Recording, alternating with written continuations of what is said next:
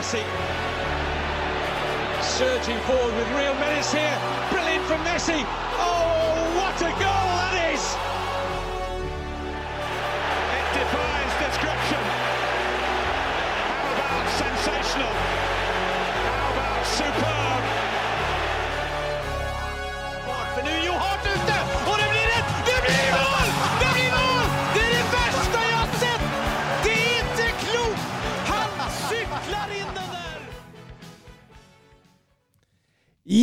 Ja da, og velkommen til episode 198 i rekken av den eh, formidable fotballpodkasten 90 minutter. Jeg heter Thomas Edvardsen, og med meg i studio har jeg som vanlig Mats Granvold Hallo, hallo. og Søren Dupke. Hallo. Ja, ja. Og så kan vi begynne først som sist og si at hvis de hører litt sånne ulyder i denne podkasten her, så er det fordi Mats har eh, rett og slett eh, snott seg unna en dugnad i borettslaget mm. utafor studio her, så Ja, det stemmer. De kalte inn til dugnad, så jeg sa det at jeg, jeg har en podkast jeg rett og slett ikke kan gå glipp av, så jeg får ikke vært med på den dugnaden. Det var, det var veldig trist, altså. Ja, men dem, eh, det, det var godkjent grunn, det. Ja, ingen som kommenterte noen ting, så jeg tror de, jeg tror de ga litt F, faktisk. Jeg tror kanskje ikke de regna med meg i utgangspunktet. Eh, men eh, Mats, eh, sola og sommer har kommet, og da smiler vel du? Eh, ja, altså dette er mye bedre enn en snø og slaps. Eh, det er det. Men jeg er så dårlig til å kle på meg, eller kle av meg, alt ettersom vær. Mm. Så jeg har stått og svetta ned på lina i fullt, fullt antrekk. Full vinter... eh, Ja, nesten. Det var bare joggesko istedenfor snowyogs. Det var det som var forskjell. Jeg ser du er litt svett i lyggen. Ja, jeg blei varm. Jeg blei skikkelig varm. Eh, Dupkern, Ja. eh, sola smiler til deg òg, eller? ja. Jeg sitter meg i, eh, i hagen i dag eh, og koser meg i sola, egentlig, helt fram til jeg skulle kjøre hit nå. Hva er det du gjør når du altså, er, er du en sånn fyr som bare da lukker øya og stirrer opp i, eller, eller er du en sånn som sitter med mobilen Nei, og koser deg litt? Og, nei, altså, I dag tok jeg PC ut og forberedte meg til podkast. Det Ja. det jeg gjorde i dag. Ja. Uh, ellers kan jeg gjøre sånn begge deler sånn ut ifra sinnsstemmen. Jeg kan også fint finne på å lese en bok. Eh, men uh, et eller annet avslappende, da. Men det, det er sånn alt etter hvordan jeg har lyst. Når jeg var i HV nå, vet du, så er det en i troppen min der som er sånn eh, pedagog-læreropplegg. ja. Så han sa jo det at det verste som er nå, det er den der scrollinga på telefon med videoer. Mm, Fordi folk blir avhengig. mm, Ikke en sånn måte som røyk og sånn, men hjernen får ikke den stimulansen, da. mm. Med at du, du, med en gang du ikke gjør noen ting, så kjeder du deg med en gang, og så er det fram med telefon. Og det er noe jeg har merka nå. Når jeg også sitter og koser meg ute på terrassen, i gåseøyne, eh, så var det fram med telefon, og da tenker jeg meg, fader. Så nå har jeg vært sånn de siste tre dagene nå, bevisst på å legge telefonen i lomma, og det gikk veldig fort over, altså. Det var veldig deilig, og veldig behagelig. Så, men jeg leser ikke bøker, da. Det kommer aldri til å skje. Dit kommer jeg aldri til å falle. Så dypt kommer jeg aldri til å falle. Skal jeg fortelle deg noe morsomt som skjedde meg i dag? Ja. Eh, på vei til jobb så går jeg jo gjennom deler av Oslo sentrum, ikke sant? Og først så møter jeg på en mann som er helt lik Oliver Kahn. Altså Helt lik Oliver Kahn. Kan det ha vært Oliver Kahn? Det, han, er, altså- han, er på, han, eh, han er sikkert på, på spissjakt eh, og vil ha Acre Adams. Og så har han, dra- og så har han dratt til Oslo. Ja, tok litt feil. Ender opp med å kjøpe en eller annen i Vålerenga? da. Tok litt feil av byene. Det er sånn når du De der turistene som uh, får beskjed om at de lander i Oslo, og så er det egentlig Torp. Det er litt det samme med, Ja, ja. med Oliver Kahn der. Men altså, hadde jeg tatt selfie med den, så hadde dere trodd det var Oliver Kahn. Så ekstremt var det. Men metera bak Metera bak kommer Florentino Perez! Det det, det, er, det er som snytt ut av nesa på Florentino Perez også, så jeg begynte å tenke at det her er jo et eller annet som foregår. Og så kommer Markus Babbel rett bak der igjen. Så det, det, det var helt sjukt, altså. Fikk du autografen din? Tørte du å spørre om autograf? Uh, Nei, men jeg burde tatt selfier, og så burde jeg liksom sånn Men dette var i går? Nei, i dag. Ja, for Perez var jo på Bernabeu i går kveld. Ja, så da må ja. de i så fall ha tatt et fly i løpet av natta eller noe sånt. da. Ja, han skulle hente Acre Adams, han òg, kanskje. Nei, det der, der var sjuke greier, altså. Det, og, og, og det, er, det er ikke ofte folk ligner på Oliver Kahn. Nei, det, det er liksom veldig spesiell utseende han har, altså. Ja, ja. Så det, det der, der tror jeg hadde lurt dere alle med, altså, hvis jeg hadde fått en selfie med han. Det var veldig, veldig artig. Men eh, Mats, eh, det er litt som uh, Diogo Yota med meg uh, for deg. Når uh, Gjelleråsen tar tre poeng, da får du ikke spørsmål. Nei, ja, det, ja sånn, ja. ja. Ja, Nei, når ting går, går som det skal, så, så er det jo ikke noe å lure på, da. ja akkurat sånn. når ting ikke glir, det er da folk lurer, ikke sant? Jeg kjenner på det sjøl. Når Yota scorer, da, da Da er det som regel noe. Men eh, nei, nei. Men er du fornøyd med Det var gneist, var det det? Ja, det må si som Brede Hangeland, alt handla om å vinne den kampen, egentlig. Nå har det gått så langt, så det eh, vi, vi vant fullt fortjent. Eh, vi skulle gjerne ha vunnet mer, men det viktigste var å vinne. Straffespark? Ja. Mm. Ganger to. Mm. Ja, ja, for han måtte ta den om igjen, Ja, fordi det var en som løp inn i Ja, ja. Ja. Hvem skårte? Eh, Gustav Severinsen skårte. Det er han fra Fløya? Ja. Ja. Nei, men det er strålende. Det er strålende. Da har han begynt å betale ned på millionlønna han har. Og den overgangssummen den var såpass stiv at det var på tide at, at han begynte å betale det. Eh, Nå må du levere, Gustav. Vi kan gå videre til noen spørsmål her som liksom ja, er litt utenfor kategori, da, eller som jeg ikke klarte helt å plassere inn i program. Og da, da er det tønna Philip Ringstad som spør eh, hvem heier dere på i de fem øverste ligaene? Åpenbart deres favorittlag, men jeg tenker på skjulte favoritter. og jeg kan jo tenke, da, da, Vi kan jo begynne med Premier League, da, så går vi runden. eh, Skal vi tippe først?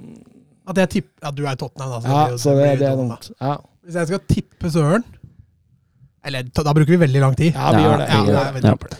Altså, jeg er jo egentlig veldig nøytral i Premier League. Det skifter litt som hvem som spiller hvor, hvem som er trener hvor. Uh, hvis det er et lag jeg har litt grann affinitet for, så er det Wolverhampton pga. Wolves og Wolfsburg. Og så har jeg en veldig god kompis som heier på Wolverhampton, så Men det, det, jeg, jeg vil si at jeg er ganske så nøytral. Ja, det er, altså, jeg har to, jeg, da. Eh, Jeg har så mye folk rundt meg som er Tottenham-supporter, så det blir jo til at du følger litt ekstra med på dem, da. Eh, Men jeg har jo en sånn liten, liten Arsenal-digg, som, som sikkert noen har skjønt. At eh, Det er en sånn liten greie der med Arsenal, og spesielt da under Wenger, under den tida der hvor de spilte fantastisk angrepsfotball, så har det blitt at du følger litt ekstra med dem. Ja, og der er jo Jeg kan jo ikke ha andre lag jeg sympatiserer med der, så, det, så sånn blir det. Men eh, i La Liga, da, Søren? Ja, det er det jo Barcelona. Ja, det er jo. Det er opplest og vedtatt, og det er jo samme for deg. Jo, men jeg har en liten hangup på Betis, det har jeg sagt Ja, før. Jeg det- er glad i Betis. Det, det, det er sant. Eh, tradisjonelt for meg har det jo vært Sevilla, men jeg, jeg gikk litt lei dem, egentlig, så jeg, jeg føler er jeg Atletico Madrid. ga, ga, ganske nøytral der. Eh, Bundesliga, da, Mats. Nei, det er Dortmund. Eh, det har alltid vært litt sånn, du heier på underdoggen, og Dortmund har jo alltid vært en underdog. eh, og da har det blitt, eh, blitt Dortmund, egentlig. Ja. Det er vel det laget jeg også sympatiserer med i Tyskland. Det handler om klubben, den gule veggen, eh, stort sett kul angrepsfotball og Ja. Eh, Men i nyere tid så har jeg også fått litt rann Wolfsburg. eh, Følger litt med og syns det er gøy at de vinner. Det er hyggelig. Det er veldig hyggelig. Det er litt gøy når de taper òg, for da blir han litt moody, han der eh, på sida. Ja, det, det er moro med rant. ja, det er det. Det er fare for at vi får en i dag. Han kan Jeg har roet meg litt ned til søndag, men eh, I Serie A, da, Mats. Der kan jeg trygt si at jeg er helt inhabil. Eh, Jeg tror ikke jeg kan si ett lag, men det har vært ufattelig gøy å følge Napoli i år. Den fotballen der den er ikke ofte du ser fra, fra Serie A. Så hvis jeg må svare nå, så er det basert veldig ferskt på Napoli. Napoli er morsomt. Uh, for meg er det hvis Altså, jeg er litt sånn samme som deg, jeg er egentlig ganske nøytral i Syria, A, men hvis det er et lag, så er det Atalanta. Mm. Mm. For meg så Ja, egentlig Jeg vært Jeg tror jeg veit det. Ja, For du har snakka om Lazio ganske Ja. mye. Ja, riktig det. riktig det. Lazio har liksom vært laget mitt i Italia, liksom hvis jeg skal kan jo ikke si jeg heier på dem, men jeg sympatiserer litt med dem, da. Det, det kan du si. I, i league Ø, da. Statteren? Ja, det, altså, Jeg var faktisk Bordeaux-fan når jeg var liten. Sånn, Det er kult! Ja, det er litt kult, men det er Altså, fransk fotball i Norge, det fantes jo omtrent ikke når jeg var sånn 12-14-15 år, så den interessen daua ganske fort. Men jeg kan fint si Bordeaux, altså. Ja, Selv om det er vel ikke league De, har rykka ned til ligtune. Ja, ja, men det, det, den, eh, den kjøper vi. For meg har det vært renn, eh, stort sett. Ja, det, det har kommet mest i nyere tid, egentlig. At jeg syns at klubben drives veldig kult. Um, Kim Jansen. Sørens eh, topp tre hjemmearenaer i lavere ligaer i Norge. Hvis du ikke sier Li nå, så blir du slakta! Nei, det blir ikke Nei, vet du hva, Det går helt fint, for Li er ganske grusom. det, det Det- blir nok ikke Li. Eh, jeg har lyst til å gi en honorable mention til Greivann. Eh, den kuleste i Oslo, syns jeg. Ja, den Eh, er grei. Den syns jeg. Eh, Så kan jeg ikke ta med Narvik stadion, for da hadde det blitt spilt uh, tippeliga før i tid, og jeg føler at det blir feil uh, når det faktisk har vært en tippeligastadion. Uh, så de tre jeg tar med, det er Nordøy stadion på Skoleøya utenfor Ålesund. Uh, Giske stadion, også, så, også rett uh, utafor Ålesund ved flyplassen der. Uh, Nordøy på grunn av altså det, er, det er en gressmatte, en liten tribune der. eh, tribune inn mot skogen, men en fantastisk utsikt over, over fjell og fjord. Eh, helt nydelig å komme dit og, og se kamp der. Uh, Giske stadion er jo um, har jo faktisk en veldig ålreit tribune, i tillegg til den fine utsikten som uh, Norøy har. Uh, begge de der har gress, og det er jo en kul greie i seg sjøl. så det er de to må med på lista. Så er det fart kunstgress uh, utafor Hamar, uh, der det er en uh, en fin, liten stadion med, med tak over tribuner. Ligger egentlig sånn midt i ingenting, eh, men har sånn veldig sjarm, nesten av en sånn eh, Nesten, nesten litt sånn engelsk stil, da. Uh, noe som om man har tatt ut en langside av en sånn lower league-stadion i England. Jeg likte den veldig godt da jeg var der. Og så er det klart, jeg kan jo bare ta med stadion som jeg har vært på, så det er jo fortsatt en god del å utforske. Hva heter den oppe i Lofoten? Den som ligger midt ute i havgapet der. Ja, den der, den Åh, ja. ja. Jeg vet hvilken du mener. Den som det dukker opp i Ja, alle sånne fotball... Sosiale medier ja, ja. innimellom òg. Den ser ganske Ja. heftig ut, faktisk. Se, Ja. se, se fint. Ja. Litt motvind der, så tror jeg du sliter som bortelag, men uh, ligger bra til. Hvor mange baller tror du ligger ute i vannet der? da? flytter flyttet av gårde noen. Ehm, fint. eh, Brady Hangeland spør også hva foretrekker vi av tabellposisjon for å avgjøre en tabellposisjon i, i forhold til målforskjell eller innbyrdes. Ja, jeg syns jo det er en veldig interessant uh, problemstilling. For jeg ser jo at begge deler har litt sånn fordeler og ulemper. Um, jeg Nei, det er kun målforskjell. Noe annet er Syns du? Ja, ja. ja, okay. jeg, jeg, jeg, Jeg, er enig med Mats, Jeg- jeg faktisk. jeg er jeg er interessert i å høre. jeg er litt sånn delt på det. Um, målforskjellen skjønner liksom med den tradisjonelle måten, uh, og det har jo absolutt noe for seg. Um, det gjør jo ting ofte litt mer spennende. Uh, for plutselig er det målforskjell som kan avgjøre tette posisjoner. Uh, Men målforskjell føler jeg eh, Sier mer om helheten i serien. ja, ja, det også, men det, det føler det belønner offensive lag, da. Ja, det er jo Hvis du skjønner hva jeg mener. Ja, det er for så vidt enig. Samtidig syns jeg jo også at, altså, at i Serie A da, at det skal avgjøres eh, hvem som spiller Champions League, om de har slått uh, Cremonese 2-0 eller 5-0. Eh, det, er jo, altså, det, er, det, blir kanskje litt mer rettferdig om man, om man tar hvordan har de Det blir mindre margin, da. Ja, det blir det. Uh, samtidig, og det, det gjelder jo mest VM og EM når du har fire grupper. Uh, hvis du tar Og det er kanskje der jeg er aller størst fan av å ha innbydes. eh, det- Ja, men når det blir så små grupper, Så ja, små så grupper, kan jeg være ja. for så vidt og, enig. og det skyldes jo også at da har du mindre mulighet til å manipulere deg fram til et resultat, når du har innbydes i VM-EM. Uh, og det, det er jo i hvert fall greit når du bare har så få kamper. Men det er jo som sagt det er fordeler og ulemper, og jeg er egentlig, jeg er egentlig litt delt uh, på det der. Eh, 50-50. Nei, jeg er ikke delt i det hele tatt. Jeg mener det skal være målforskjell. Ja, ja og, og, og det er lettere å lese av tabell òg, så det er, det, det er mye mer behagelig. Jeg syns det, syns det skal stå seg, jeg, altså. Men, men skal vi rett og slett bare hoppe over på Champions League-kampen eh, i går, eller? Skal Mats få lov å trykke på? pling, pling, pling? Skal du Ja, ååå. Champions League. Plingen der, altså. Pling, pling. Englestøv. Ah, ja. ehm, det var jo eh, duka for ehm, Real Madrid mot Manchester City i går. Eh, kampen egentlig alle så eh, frem til. Eh, det som ble kalt den egentlige finalen. Eh, de to beste laga i Champions League denne sesongen. De, de, de, de må kjempe om en plass eh, til finalen der, og ehm, ja eh, Begynner vel egentlig litt som forventa her, at Real Madrid eh, er veldig kalkulerende, veldig forsiktig. Men det er for så vidt med City også. De tar ikke store sjanser når de kontrollerer gula der høyt i banen. Altså. Nei, de er livredde for de Ja, overgangene. de er det. Og eh, selv om de kontrollerer kampen med ball, så føler jeg ikke de truer voldsomt heller. Nei, absolutt ikke. Jeg syns jo egentlig Jeg hørte en podkast her som gikk gjennom kampen tidligere, og, og, og de drev og snakka om at det var så fantastisk ålreit kamp. At det var en skikkelig bra kamp. Jeg, altså, jeg, selv om jeg forventa at det skulle bli sånn, så blei jeg Jeg skulle gjerne sett litt flere sjanser, da. Litt mer risikofyll uh, spill. Ja, jeg er helt enig. Eh, jeg syns den da var veldig preg av at det var første oppgjør. Eh, og at begge, to la, begge lag vet at det kommer et oppgjør til. Eh, og jeg er ikke helt enig i at det var en så fantastisk kamp. Altså, på, på, et, på et teknisk og taktisk nivå, ja. Men vi hadde, altså, så fra et underholdningsperspektiv så hadde vi jo håpet på, på noe mer. Nå to de lag første 20 i andre, var, da Ja, kjørte de- Real ja. Madrid litt ned. Ja.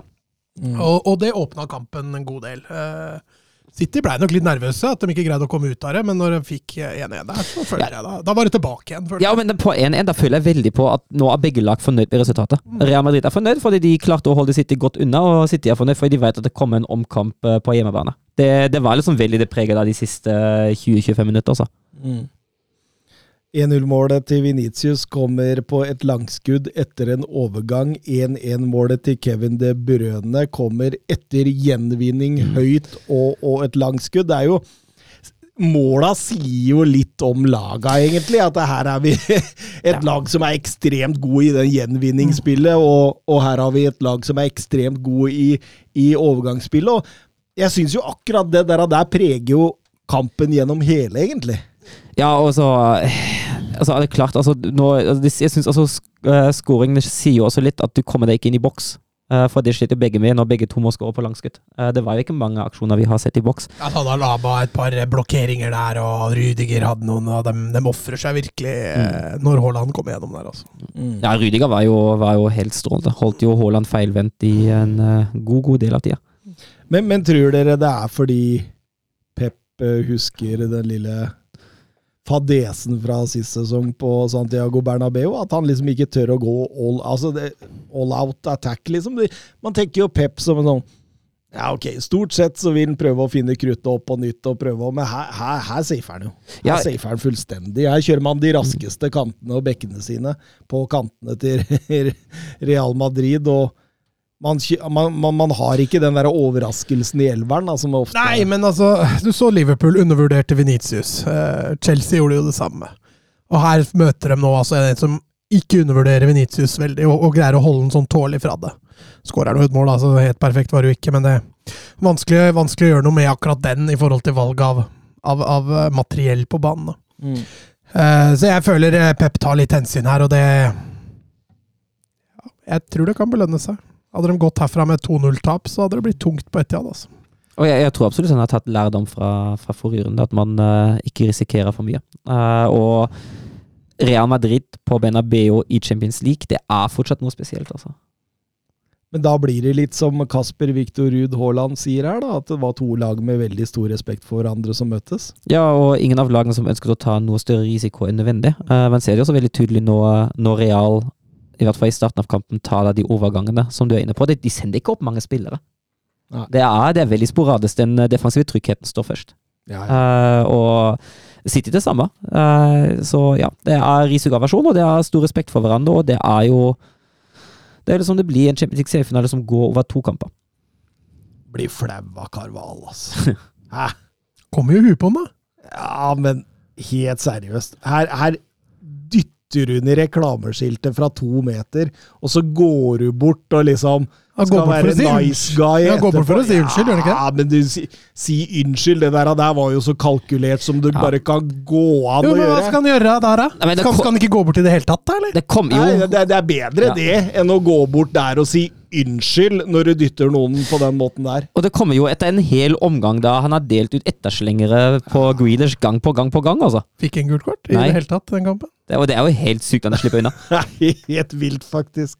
Og, og når Grealish liksom lapper litt etter den, så, så hiver han seg ned som om han er skutt etterpå. Fy faen, få det bort! Altså, jeg var, jeg var så flau. Jeg var så flau. Jeg tenkte jeg er så glad jeg ikke har han ute på banen der nå, for da hadde jeg bare ønska et synkehull. Altså. Forferdelig å se på. Ja Men uh, Torjus uh, Hansen er jo inne på det. Carvahall tråkket Grealish på anklene og irriterte han. Walker lo og klemte med Venitius etter kampen. Kan spansk kynisme ha gitt en fordel i disse to duellene? Ja, altså, fordel veit ikke noe, Altså, det, er ikke, det er ikke avgjort. Uh, men at de, at de spiller på alle strenger som de har tilgjengelig mot dette City-laget, uh, ja, helt klart. Og det kan jo hende at det, at det lønner seg til slutt. Uh, jeg er heller en tilhenger av at man kanskje oppfører seg sportslig og bruker fair play. og, og bruker de midlene man har innenfor rammen, da. Og ikke overspiller og filmer og prøver å få en motspiller utvist på den måten der. Det er ikke hver gang du ser Vinicius er så kompis med, med duellanten sin som det han var med Kyle Walker etter kampen. Nei. Men Walker var jo ikke Er jo ikke så ufin, Nei. sånn som mange andre har vært med Venitius, da. Det er klart, eh, Som motspiller så er det jo lett å respektere det. Det er helt sinnssykt å se når de to løper om kapp. ass. Mm, det går fort. Oscar Pepito. Eh, det samme spør egentlig Nisselue på. Eh, Team Haaland i vinden på Santiago Bernabeu. Er det fare for suksessen har gått mer i hodet på dem enn hovedpersonen selv? Jeg vil jo tippe at ting ble meldt eh, over en lav sko begge veier her, og, og når målet kom, så var det vel lett Altså, han så litt berusa ut der, han uh, Alfie. Altså, Han han kosa seg med noe piña colada Ja. der og litt sånn, tror jeg. Eh, så det er klart, det ser jo ikke helt ut på bildet. Samtidig, jeg kjente jeg brøy meg null. Ja. Jeg, tok ikke, jeg ble ikke påvirka i det hele tatt av det. Og, og samtidig så Men det er klart, hadde det vært faren min, da kan jeg det hadde blitt litt flau. Det kan godt hende. Og, og var det Stray Spetalen som sto der. Gutta boys. Nei, gutta boys, men det, det, er, det er vel ikke, var vel ikke noe mer dramatikk bak det enn at de flytta seg 50 meter lenger bort, etter hva jeg forsto? Ja, de hadde vel en biff med noen supportere foran deg. Ja, nei da. Det Men litt flaut er det. Litt flaut er det. Um, skal vi gå over til eh, Premier League? Balotelli,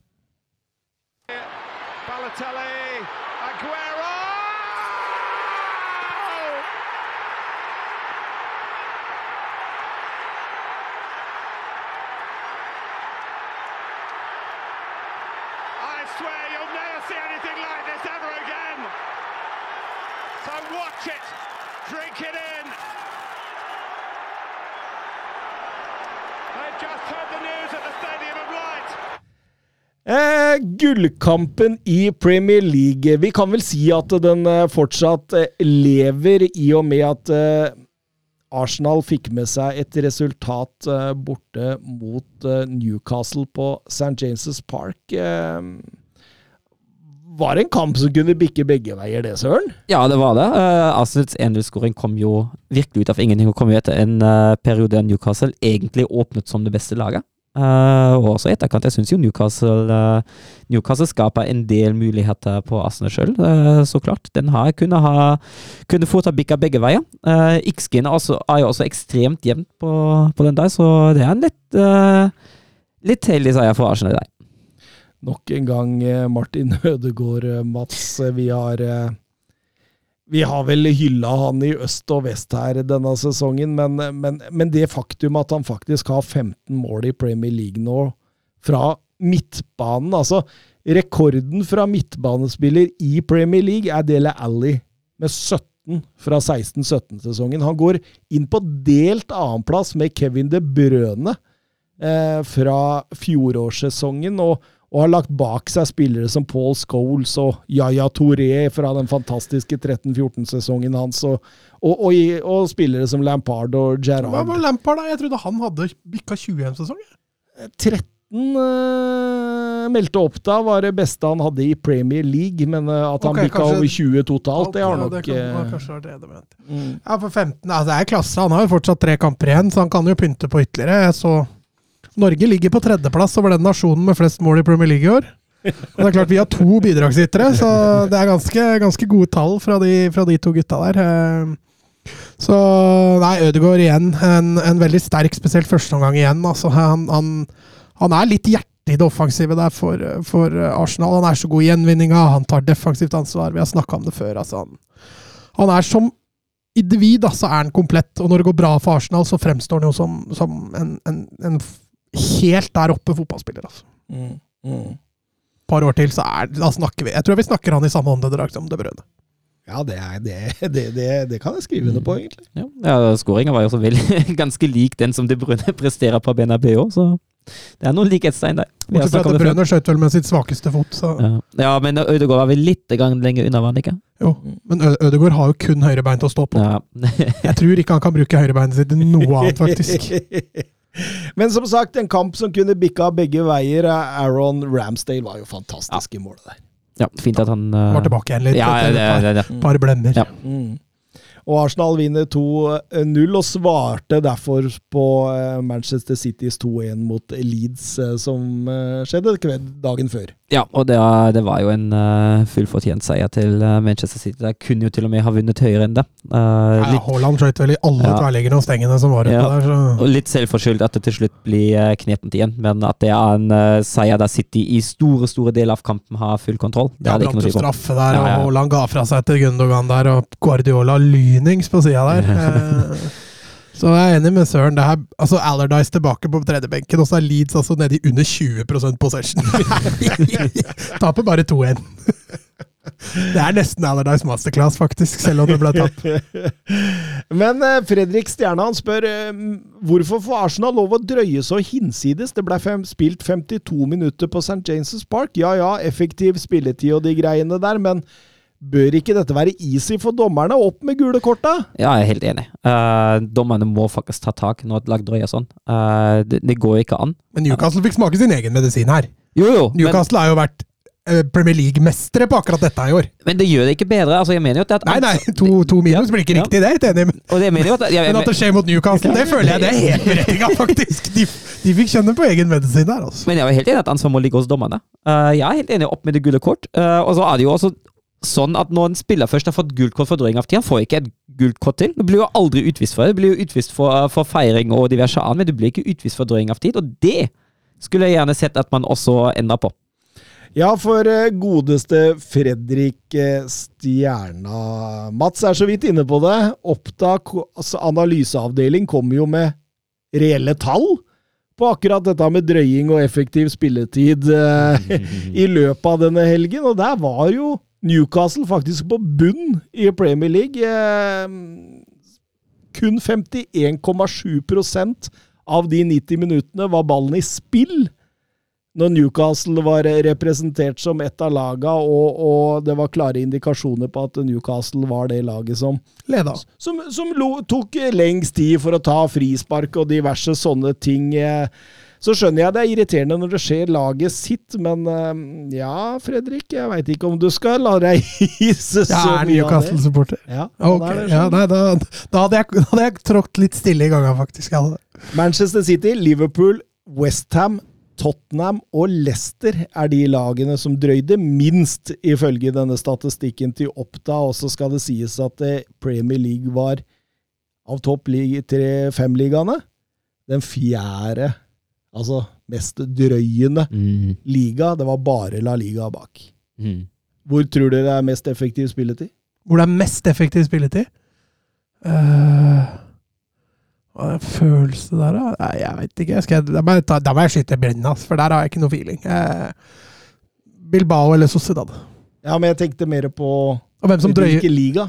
og hvem som drøyer minst? Ja, hvilken liga? Og det må bli Bundesliga. Serie A. Ja, faktisk. Mm. Serie A foran eh, Bundesliga, det er helt, eh, helt eh, riktig. Um, skal vi se her Oskar Carveio Holm. Han spør enn et slitent City mellom Real Madrid-kampene mot et Everton som knuste Brighton. Er det gitt at City vinner? Gitt er det jo aldri i fotballen, eh, men jeg anser jo City til å være store favoritter. Eh, de har jo en eh, bredde i stallen som burde være nok til å slå Everton. selv om Everton nå vant en sterk seier mot Brighton.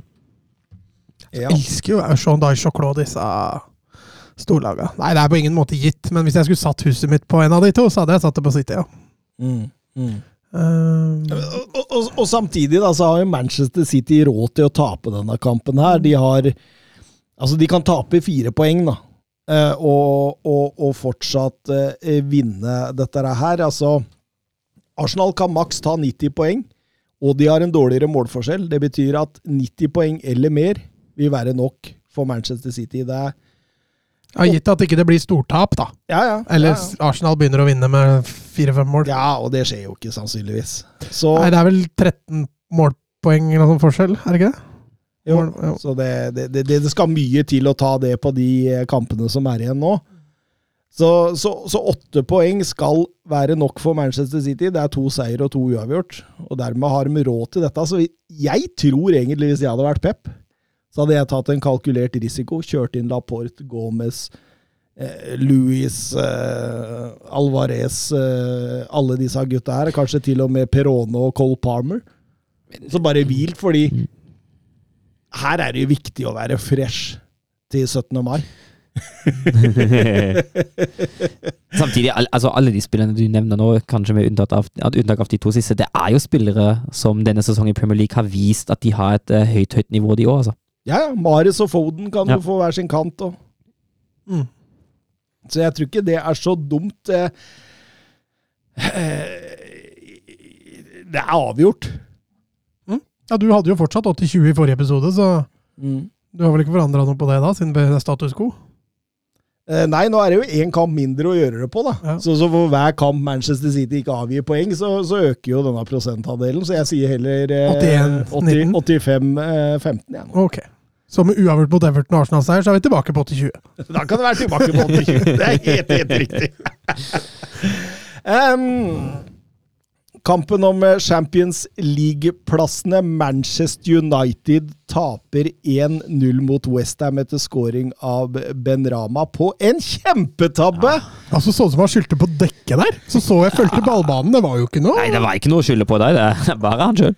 En vanvittig keepertabbe av eh, David De Gea, som Ja, dette er fjerde, som le, eh, fjerde klare erroren som eh, leder til målet denne sesongen. Det er mest av alle, så vidt jeg veit. Og um, Ole Haaland han spør Erik Ten Hag ønsker David De Gea med videre. Hva tenker dere om det?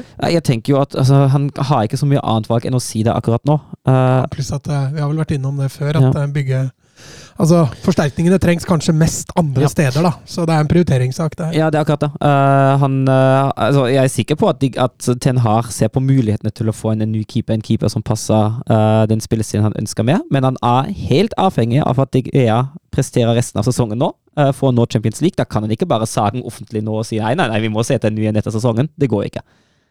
I tillegg, som Mats sier da, det er ikke gitt at det er øverste pri å få inn en ny keeper, og da kan det hende at han, eh, at han må bruke DG et år til. Og hvis han sager nå, altså det Han, han ødelegger jo all mulig framtid ved å si noe annet enn akkurat det der. Ja, ja. De, de, de har jo ikke kontroll på hva som skjer i sommer i det hele tatt, pga. dette mulig eierskift og, og alt mulig. Så det Altså, det eneste riktige er jo å gå ut og backe den. Det, det, det, noe annet ville vært eh, galskap. Og så, så er det jo en annen diskusjon hva Erik Ten Hag virkelig mener, og, og, og hva som vil skje om de har råd til å gå for en, en keeper som er vesentlig bedre, i hvert fall med føttene, da, eh, til sommeren. Eh. Det var ikke noe gærent med føttene hans i den tabba der, i hvert fall. Nei da, nei da. Men jeg, jeg tenker jo det er der Altså, altså DGA er jo en god shotstopper, ikke sant? Altså, det er, det, det, på en måte, det, det er jo ikke derfor man ønsker å bytte ut han, først og fremst. Det handler jo om i frispillingsfasen å kunne bruke en keeper aktivt, som Erik Ten Hag liker veldig godt i sin fotball. Da. Så eh, hadde David De Gea vært Ederson med beina, så tror jeg ikke det hadde vært noe snakk om å, å skifte den ut i det hele tatt. Eh, Vebjørn Fredheim, men hva skjer med United? De ser jo helt ferdig ut! Ser de ferdig ut, Mats? Ser de ferdig ut? Kan dette gå rett vest? Ja, de gjør det, og det har litt med stoppepar å gjøre. Eh, Det er en utrygghet der uten Varan og, og Martinez, og, og man sliter veldig, og det, det forplanter seg jo. Det er en usikkerhet bak der som gjør at man får ikke sluppet seg løs helt ordentlig offensivt heller, og det, det preger dem. Et Westham-lag er jo vanskelig. Jeg holdt på å si Westham på Upton Park, ja, men det, det er noen år siden. Men dem, dem er vanskelig å bryte ned, og, og når de først havner bakpå der tidlig, så er det Westham ubehagelig, altså. Eh, men ja, jeg, jeg er for så vidt enig. De ser, det ser skrantet ut. Den skal være glad de har den hengekampen for Liverpool der, sånn at de har et feilskjær til. Eh, men eh, ja, nei, det, det er veldig 50-50 på om det blir United eller Liverpool om den siste fjerdeplassen der, da. Altså. Ja, I hvert fall hvis det fortsetter sånn, Søren, for de skårer jo ikke mål. Altså, Jeg, jeg kikka på noen tall her. Vegårstad 14 kamper, null mål. Marcial har 17 kamper, 4 mål. Sancho har 22 kamper, 5 mål. Eh, Bruno 6 mål på 33 kamper. Antony har 4. Eh, Eriksen har 1. Til sammen, da, for alle disse offensive på en måte spillere, så har de fire mål mer enn Marcus Rashford. Og når Marcus Rashford har slutta å skåre mål, så vil det bli et problem. Og dette må bekymre Erik Ten Hag. Måla kommer stort sett fra én plass. Eh, og, og, og, de sliter på bortebane. Altså, mens de har 12-3-1 på hjemme, så har de 7-3-8 på bortebane. Det betyr at de taper nesten annenhver bortekamp de spiller. Det er heldig for dem. De har, Av de siste fire kamper de har igjen, er det tre hjemmekamper. Det taler til, eh, til deres fordel, men samtidig det, det må jo gå litt på selvtilliten, dette her nå. Altså, Jeg syns ikke Casemiro er like dominant lenger heller. Nei, men Det er derfor jeg sier at den usikkerheten bakfra den, den har spredt seg litt. og det, det påvirker dem også offensivt. og Han tør jo ikke å bruke Maguire, forståelig nok. eh, Og Shaw er jo ikke uten noen stopper, selv om han kan, kan spille der uten å drite seg fullstendig ut. Så, så er det markant nedgang, det òg. Og Lindeløf òg, for all del habil, men er ikke noe topp fire-stopper sånn i utgangspunktet. og da det blir en usikkerhet der som sprer seg, og når DGA i tillegg driver på sånn bakerst, så, så blir det jo vanskelig å vinne fotballkamper. Mm, mm. For eh, er det noen som kan tukte Manchester United i dette, så er det jo Liverpool. De har fått opp en rekke på seks eh, seire på rad nå. Vinner 1-0 over Brentford etter en tidlig scoring av Mohammed Salah. Og, og, og, og, og ser jo ut som altså, de imponerer ingen, men de drar i land seier etter seier nå. Det er jo ettmålsseiere hele rekka etter at de slo Leeds 6-1. Men eh, etter det har det vært ettmålsseier. Men de, den, den evnen der til å kunne avfyre tette og jevne kamper, uh, selv på dårlige dager For er, jeg er helt enig, de imponerer ingen. Uh, det er ikke det Liverpool som vi kjenner, i hvert fall ikke sett over 90 minutter. Uh, men den ferdigheten deg og den selvtilliten man også får, da, i motsetning til United, som kanskje holder på å miste den selvtilliten, til å, til å vite at vi har den tryggheten. Vi kan vinne kamper selv når vi har en dårlig dag. Det kan være helt utslagsgivende. Mm. Når vi først er inne på Liverpool, Erik Hatløy eh, lurer på Hva tenker du om at Schmatke kan bli sportsdirektør i Liverpool? Jeg syns jo det er veldig spennende. Eh, Jeg tenker jo at han får en litt annen rolle i Wolfsburg. Eh, Han, da var han jo virkelig sportssjef og hadde øverste ansvar for det sportslige. Så blir jo kanskje tittelen hans nå sportsdirektør, men han kommer jo til å være kanskje kan man si assistent eller hjelpe til, til Jørgen Klopp, da. Var, var det konsulent altså rundt overganger? Ja, var det noe noe sånt. sånt noe? Ja, noe sånt. Uh, og det, der tenker det er en rolle som passer helt perfekt. Problemet med Schmatke i Wolfsburg var jo nå uh, først og fremst at den krangla med alt og alle. Uh, at man ikke klarte å bygge noe kontinuerlig, fordi han, eh, han hadde det med å med sur på trenere uh, og alt det der. Og at han bommer jo på litt overganger til slutt, og for all del. Um, men jeg tenker jo den rollen der, Uh, da bruker Liverpool uh, den enorme erfaringen og det store, store nettverk han har opparbeida seg um, gjennom hele karrieren. For dette er jo en mann som har vært i gamet ganske lenge. Mm. Og dette her tenker jeg kan være en veldig god løsning for Liverpool. I tillegg har jo har, Jeg syns han ofte har vært litt for tilbakeholden med overganger i Wolfsburg. Uh, sikkert pga. den økonomiske situasjonen. At han har vært veldig obs på at her skal vi ikke gå tilbake i den samme fella at vi bruker for mye penger på enkeltspillere osv. Og, så videre, og da har man plutselig sagt at uh, nei, den spilleren har, den er to millioner euro for dyr, så vi, vi går ikke for den. Mm. Uh, og jeg tenker jo at det problemet møter han ikke nødvendigvis i Liverpool. Uh, så jeg tenker de kritikkpunktene som jeg hadde mot ham mest i Wolfsburg, de forsvinner jo litt av den nye rollen og på grunn av den klubben man er i. Uh, jeg tenker at dette kan være en, uh, en veldig lue avgjørelse for Liverpool å få inn ham. Hva ønska Klopp selv? Mm. De har aldri jobba sammen, men de, de ble kjent en gang i 1986, da, da Schmatke var keeper for Fortuna Düsseldorf, og hvor Jørgen Klopp kom på prøvespill for, for klubben. Så det, det er jo noen år, eh, år kjennskap blant dette, og jeg har skjønt det at de har hatt en viss Mm. kommunikasjon ut og, utover. og det, det- var åpenbart Klopp sjøl som ønska han inn i, i et slags team der. og det, Da må man jo stole på bedømmelsen til, til Klopp, tenker jeg. Mm. så vil jo alltid være mannen som solgte Oshimen for tre Ja, millioner euro. Ak akkurat den skal jeg ikke laste ham for, for da kom en, eh, da kom en ny. Men altså, han har gjort en god del rare ting i Wolfsburg, for all del. Um, men jeg tenker jo at han skal ikke ha det øverste aleneansvar. Han skal ikke bare gå inn i den der sportssjefrollen. Da hadde jeg vært litt mer kritisk hvis han plutselig skulle bestemme igjen. Uh, men jeg tenker den rollen som han skal inn nå, den uh, passer ham veldig bra. Tottenham uh, Ja. Champions League-eventyret, det er jo bare teoretisk nå, men, men Ryan Mason snudde på det. Kjørte 4-4-2. Tørte det, tross alt hvordan det endte forrige gang. Man Ja, litt annen motstander og Ja, annen, annen arena. Ja, og ikke minst en litt annen balanse i laget, kanskje, og litt tryggere ved at man kjører Porro ut som eh, kant, og, og har med Emerson Royal tilbake på høyrebekken der, og at man har Ben Davies på venstre og, og får hjelp av, av Son nedover der, så, så mye mer eh, på en måte dynamisk. og det interessante her er jo at eh, eh, Ryan Mason opererer jo med en oppspillsvariant som er 100% Julian Nagelsmann her. Ved at man skifter til en treer bak i frispillinga, kjører den ene bekken høyt og den motsatte kanten litt lavere. Så det blir en 3-4-3 i, i frispillinga nesten. Ja, det, det gjorde det som var interessant. eh, Vi har jo nevnt det tidligere at eh, dette kan jo være løsningen i dagens stall for Nagelsmann, og hvis han kommer, da. Ja, ja, fordi Tottenham har jo absolutt en stall som man kan gjøre akkurat den delen med. Mm. Vinner 1-0. Nok en gang scoring Harry Kane, hans 26. denne sesongen for et lag som Altså, det er helt spinnvilt. Altså, hadde det ikke vært for Haaland, så hadde han jo blitt uh, hylla opp og i mente. Eh, hans 209. Premier League-mål totalt, som eh, Petter Martin Støvland skriver til oss, passerte Rooney nå også. Kun Scherer igjen. For en legende, tror Thomas på ny kontrakt, eh, skriver Støvland. Og jeg må jo stå på mitt. Eh, Jeg må jo det. Jeg var gjest i Golden Cockerel sist uke, og da sa Spurs-supporter Espen Berntsen noe vesentlig. Han sa denne Kane må ha et trofé-greiene, det er jo medieskapt. Man har jo aldri hørt det fra han.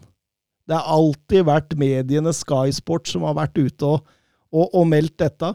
Eh, det man derimot har hørt, er jo hvor høyt han elsker klubben, og, og hvor mye han føler han skylder Tottenham som satsa på han. Man må huske på at han ble sparka ut av Arsenal-akademiet da han var liten. Eh, og så nå i intervjuene hvor han snakker om Tottenham i vi-form. Vi skal, vi må, vi skal i fremtiden. Han er veldig sånn. Så, så skal man ikke stikke under en stol at han nok var frista av Manchester City i fjor sommer. Eh, men han lagde heller ikke noe rabalder. og jeg skjønner ikke hvorfor han skal presse gjennom en overgang til andre engelske klubber enn Manchester City, fordi Dukka han ikke opp på trening, da? Han, Nei, det, det var noen misforståelser. Det, media skapte igjen. Media skapte jeg trodde han i gåseøynene streika, jeg. Det var ifølge Tottenham, da, offisielt utad Tottenham, så var det medieskapt. Det var helt godkjent. Ok.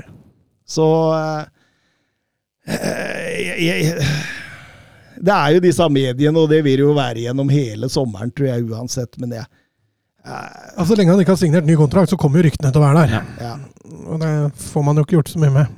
Og eh, jeg tror ikke han skriver under ny kontrakt før de har en plan på plass. At de har en manager på plass, en mulig sportsdirektør. Altså Nå kan det godt hende Scott Munn kommer til å opptre som sportsdirektør, da han så ble ansatt for å være sjefen til Paratisi. Så får vi se. Men jeg ler litt av disse Manchester United-ryktene, altså, fordi altså, Hvilken tittelgarantier kan de gi i så fall, da, hvis det er titler han er ute etter? Nei, det er jo ingen garantier. Eh, det, er, det er egentlig tre klubber i Europa der du er garantert titler. Eh, Manchester City de kommer til, Når du spiller to-tre år i City, er du garantert at du vinner et eller annet. Eh, PSG og Bayern München. Ja. De tre klubber kan garantere titler. Eller ingen andre klubber i Europa kan garantere titler. Da har du enten større eller mindre sjanser, men garanti finnes ikke. Over en treårsperiode så tror jeg du kan gå til Barca og Real Madrid og, og Ja, jo, jo. jo, jo sannsynligvis, høyst sannsynlig vinne en tittel. greit nok. Ja, men eh, faktum er jo at han vil bli i England, og vi nevner jo bare Manchester City derfra. Så Nei, jeg ser ikke noe grunn til å, å, å Det er 80-20. Adrian Tømmernes eh, spør om jeg stoler på prosessen i Spurs nå, og man er jo selvfølgelig ikke helt trygg, men, men tryggere nå enn å Parati si ønska Gattuso osv. Må innrømme det. Da. Den er lei. Eh, Ting kan jo tyde på at eh, Daniel Levi og Scott Munn nå har lagt en plan, og at de vil litt tilbake til der Tottenham var under Porcetino, som også Kane var inne på i et intervju her. og At man bruker tid, at man bruker Mason, som forresten ser ut som en eh, skikkelig altså det, det, det bor mye fotball i Ryan Mason, altså. Så at de går gjennom flere kandidater, ikke tar noe forhasta valg, det betrygger meg i hvert fall. Men, men du kan jo aldri si aldri, og man er jo inne i et veiskille her nå som, som man må ta noen rette valg, så det, så det blir spennende å se. Um, ok. André Solberg. Han ønsker at vi skal legge hodet på blokka. Hvem tar Champions League-plassen, og hvem tar Europaplassen? Ja, vi er vel ikke veldig Vi stikker vel ikke huet vårt veldig fram hvis vi melder Arsenal og City, i hvert fall, så vi bør kanskje gå videre nedover. Er det det du, dere mener? Altså, de, de som er topp fire, blir topp fire. Ja, du tror det? Mm. Ja, altså, jeg sa det forrige episode, jeg kan ikke vingle nå, herregud. Hva var det jeg sa forrige episode? Det samme som meg. Ja, Sa jeg vi, vi, vi, var vel, vi var vel unisont enige om Newcastle og Manchester United. Vi, vi, to, vi to hadde de samme rekkefølge. Vi sa at United kom på tredje, Newcastle på fjerde. Thomas sa Newcastle tredje, United fjerde. Men vi hadde de, de som er topp fire nå, på topp fire. Og så tror jeg at eh, Liverpool tar femteplassen. Det som gjør at jeg fortsatt holder en liten knapp på, på United, er at de har tre hjemmekamper igjen. Mm. Mm. Uh, Ja, så har de og så er det Bournemouth borte. Det er liksom Ja. ikke, det er ikke krutt, det heller. Kan finne på å ta poeng der òg, liksom. Ja, ja, altså, altså har de jo De har jo Altså, hvis man, hvis man ser vekk fra formen og de siste kampene, da.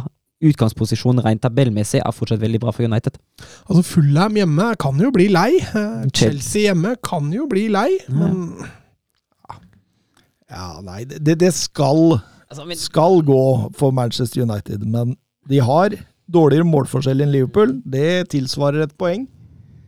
De har eh, Så hvis de taper én kamp, da, så, så skal de ikke gå på mer smeller, altså. Og det, det, det er fullt mulig å tape mot Chelsea på, på Old Trafford. eh, Det er, det er fullt mulig å, å tape mot eh, mot eh, Bournemouth borte, og, og ikke minst også et hardtkjempende Fulham, som alltid viser mye energi og, og trøkk og innsats. det, det, det som hjelper jo, da, er jo at altså, Wolves er jo så godt som redda nå. De regner ikke med å få poeng på Old Trafford. Uh, Fulham og Chelsea kommer ikke til å ha noe å spille for når vi møter dem. Nei, altså Liverpool har jo Southampton, vel. De har vel antakeligvis rykka ned når de Mm. møtes uh, i siste seriekamp. Og så har de Aston Villa hjemme. De kan jo ha Europa å spille for. og Neste kampen til eh, Liverpool, hva er det igjen, da? Leicester. Leicester. bort. Ja. De har jo alt å spille for, da. Mm. Nei, jeg, jeg holder en liten knapp på, på United og Newcastle der, ja. Og så blir det Liverpool på femte. Jeg Mm. tror den er eh, ganske bankers, da. Vanskelig å tippe dem utafor. Sjetteplassen står vel rett ratt mellom Tottenham og, og, og Brighton. Jeg, klarer ikke helt å se Aston Villa blande seg inn der heller. Eh, Brighton har tøft program igjen, altså. ja da, men de har en del hengekamper der, Ja, da. de Det hadde vært veldig spennende å sett hvis de hadde vunnet mot Everton nå. Mm. Eh, press man kunne lagt på da, for de har jo, som Mats sier, litt hengekamper igjen. Og, men, eh, men Arsenal borte, Newcastle borte, og de har City hjemme og Villa borte også. Det er, det er knalltøft. Ja da, det er det. Så en Tottenham på sjette og en Brighton på Ja, Brighton nesten Villa. Ja, jeg tror Brighton eh, Ja. Brighton og Aston Villa har jo ikke noe voldsomt lett igjen. Nei, Aston Villa har Tottenham, Liverpool og Brighton, så det er tøft, det òg. Så jeg ja, ja, jeg tror det blir, blir sånn. Jeg er enig med deg, Mats. Ja, det, det ligger jo mest an, men jeg ville ikke vært helt trygg hvis jeg var Manchester United nå. Jeg ville ikke vært det. Og, og Jonathan Hobber han spør hvilke konsekvenser vil det få om Manchester United roter bort Ja, Champions det-? Det vil jo få enorme konsekvenser. Uh, og, altså Først og fremst for prosjektet til en hard neste sesong. Uh, det ene er jo litt den den følelsen man går inn i ny sesong med, eh, etter at man har endelig vunnet eh, et trofé igjen, etter at man egentlig har ligget veldig godt an til Champions League-plass så å si hele sesongen, i hvert fall store deler av sesongen nå, og rote på på slutten, det er ikke et godt utgangspunkt å gå inn i med neste sesong, men enda mer alvorlig er det jo på overgangsmarkedet. hva kan klubben skilte med? Konkurransen om de beste spillerne den er knalltøff. Mm. Uh, og det å kunne skilte med Champions League kontra det å ikke kunne skilte med Champions League, det kan være helt avgjørende. Ja, For- ja, jeg har nevnt det før, at Mm. uh, Frenkie de Jong hadde Ja. vært Manchester United-spiller hvis, hvis de hadde hatt Champions League denne Ja, ikke sesongen. Og det kan gjelde flere spillere. At Mm. eh, Det er helt avgjørende om du får de spillere på den hullen du vil ha dem, eller om du må gå en hulle lenger ned. Og for prosjektet til Ten Har er det jo helt avgjørende at han får de spillerne at United får de spillerne han trenger. Ja, og Jeg har allerede sett litt murring blant Manchester United-supporterne nå. Jeg tror hvis man kommer utenfor, så vil det bli større skeptisk, eh, skepsis, heter det vel, rundt eh, Ten Hag-prosjektet. Eh, kanskje ikke bare hos enkelte supportere, men også innad i klubben. Altså, De har brukt mye penger, altså. Martinez, Antony, Casemiro, Malaysia. De har fått hente Eriksen.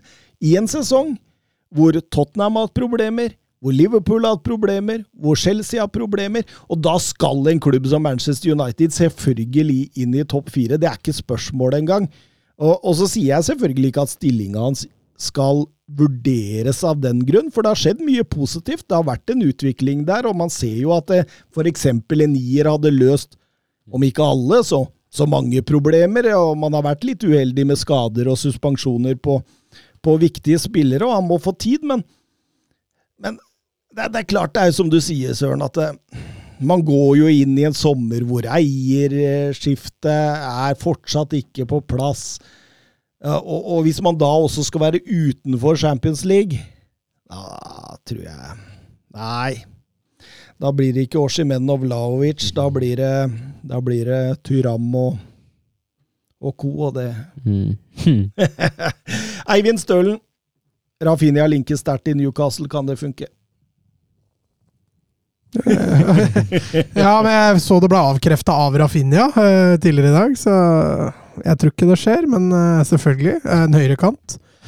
Uh, en innoverkant sådan hadde jo Altså, det er jo blitt et sånn entertainernes lag etter hvert, eh, Newcastle, med intenst høyt press og, og, og direkte angrepsfotball. Så eh, han har jo vist hva han kan i Premier League Elite, så jeg ser at han kunne gjort en jæklig god jobb i Newcastle.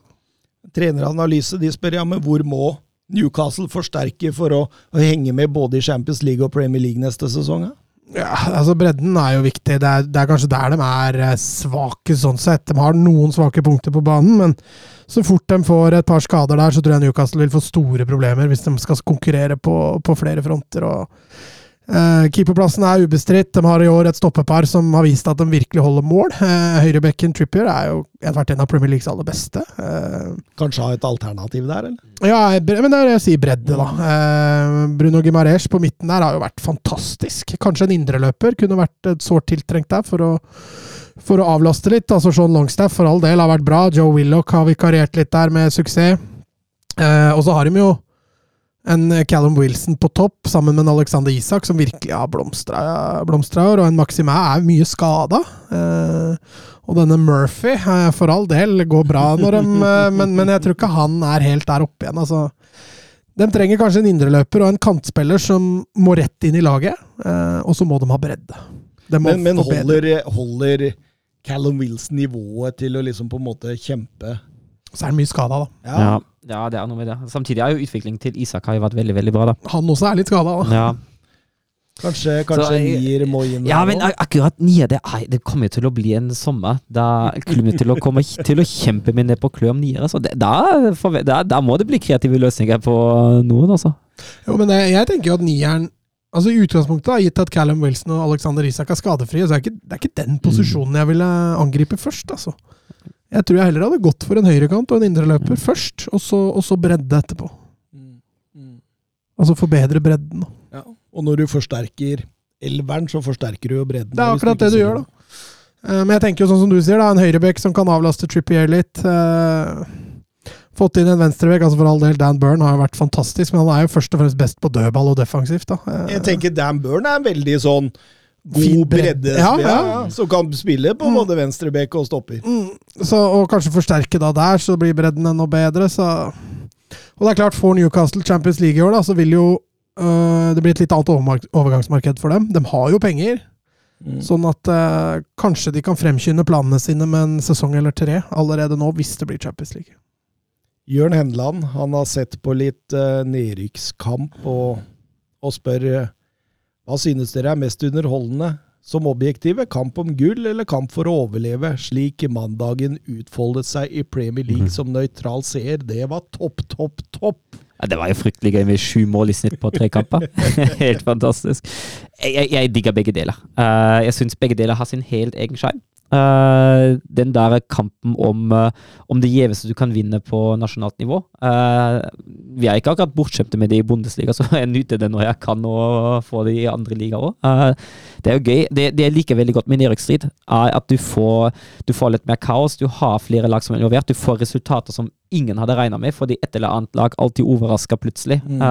Også den intense følelsen, den føler jeg er lettere å ta inn over seg når du ser på nedrykk. Mm, ja. Den fordi når du ser kampen om en medalje eller gull, da, den, den, det blir litt mer underholdning. Ja. Mens da den intense følelsen når du veit lag kjemper som bikkjer for å ikke rykke ned, den er lettere å ta og føle på. eh. Altså, ja, ja, ikke sant? Og det, det kan jo hende liksom, sånn Taper du ligagullet, så Ok, vi, vi, vi, gjorde en god sesong. Vi var helt oppi der. Vi kjempa, altså type Arsenal denne sesongen.